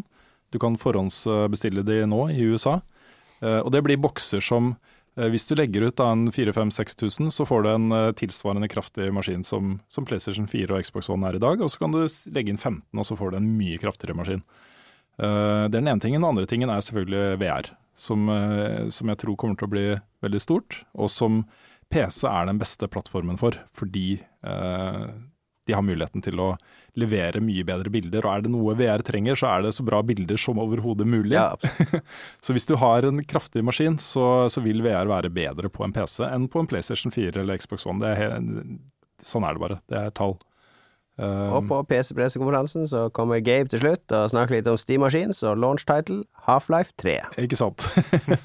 Nei, men det kan godt tenkes. Det kan godt tenkes. Det er ikke utenkelig. Det er eh, innenfor eh, det plausible, vil jeg si. Så, en deal. Ikke sant? Skal vi være på den? Nei, vi er i Ja, eller jeg vet ikke. Nei. Vi, det er sikkert mulig å prøve å komme på den, men eh, den går jo midt Den går jo liksom mens vi har avtaler med alle de andre tingene. Ja, det er Så jeg er litt usikker på hva som er best å gjøre. Kanskje vi burde hatt én der, og så én fly rundt og gjøre andre ting. Ja. Kanskje. Kanskje. Jeg skal se den i hvert fall. ja. ja, men det må dere. Nei, men eh, vi runder av denne E3-podkasten, og jeg kjenner liksom bare det å sitte nå i to timer og snakke om E3 har gjort meg enda mer gira på å dra. Yep. Selv om jeg også gruer meg litt, som jeg alltid gjør til E3, for det er slitsomt. Hmm. For en gammel mann som meg. Ja. Skal vi avslutte med å gjøre som eh, de siste par gangene og la gjestene våre fortelle hvor på internett man kan finne dem? Det må vi gjøre. Ja, Lars, vil du begynne? OK.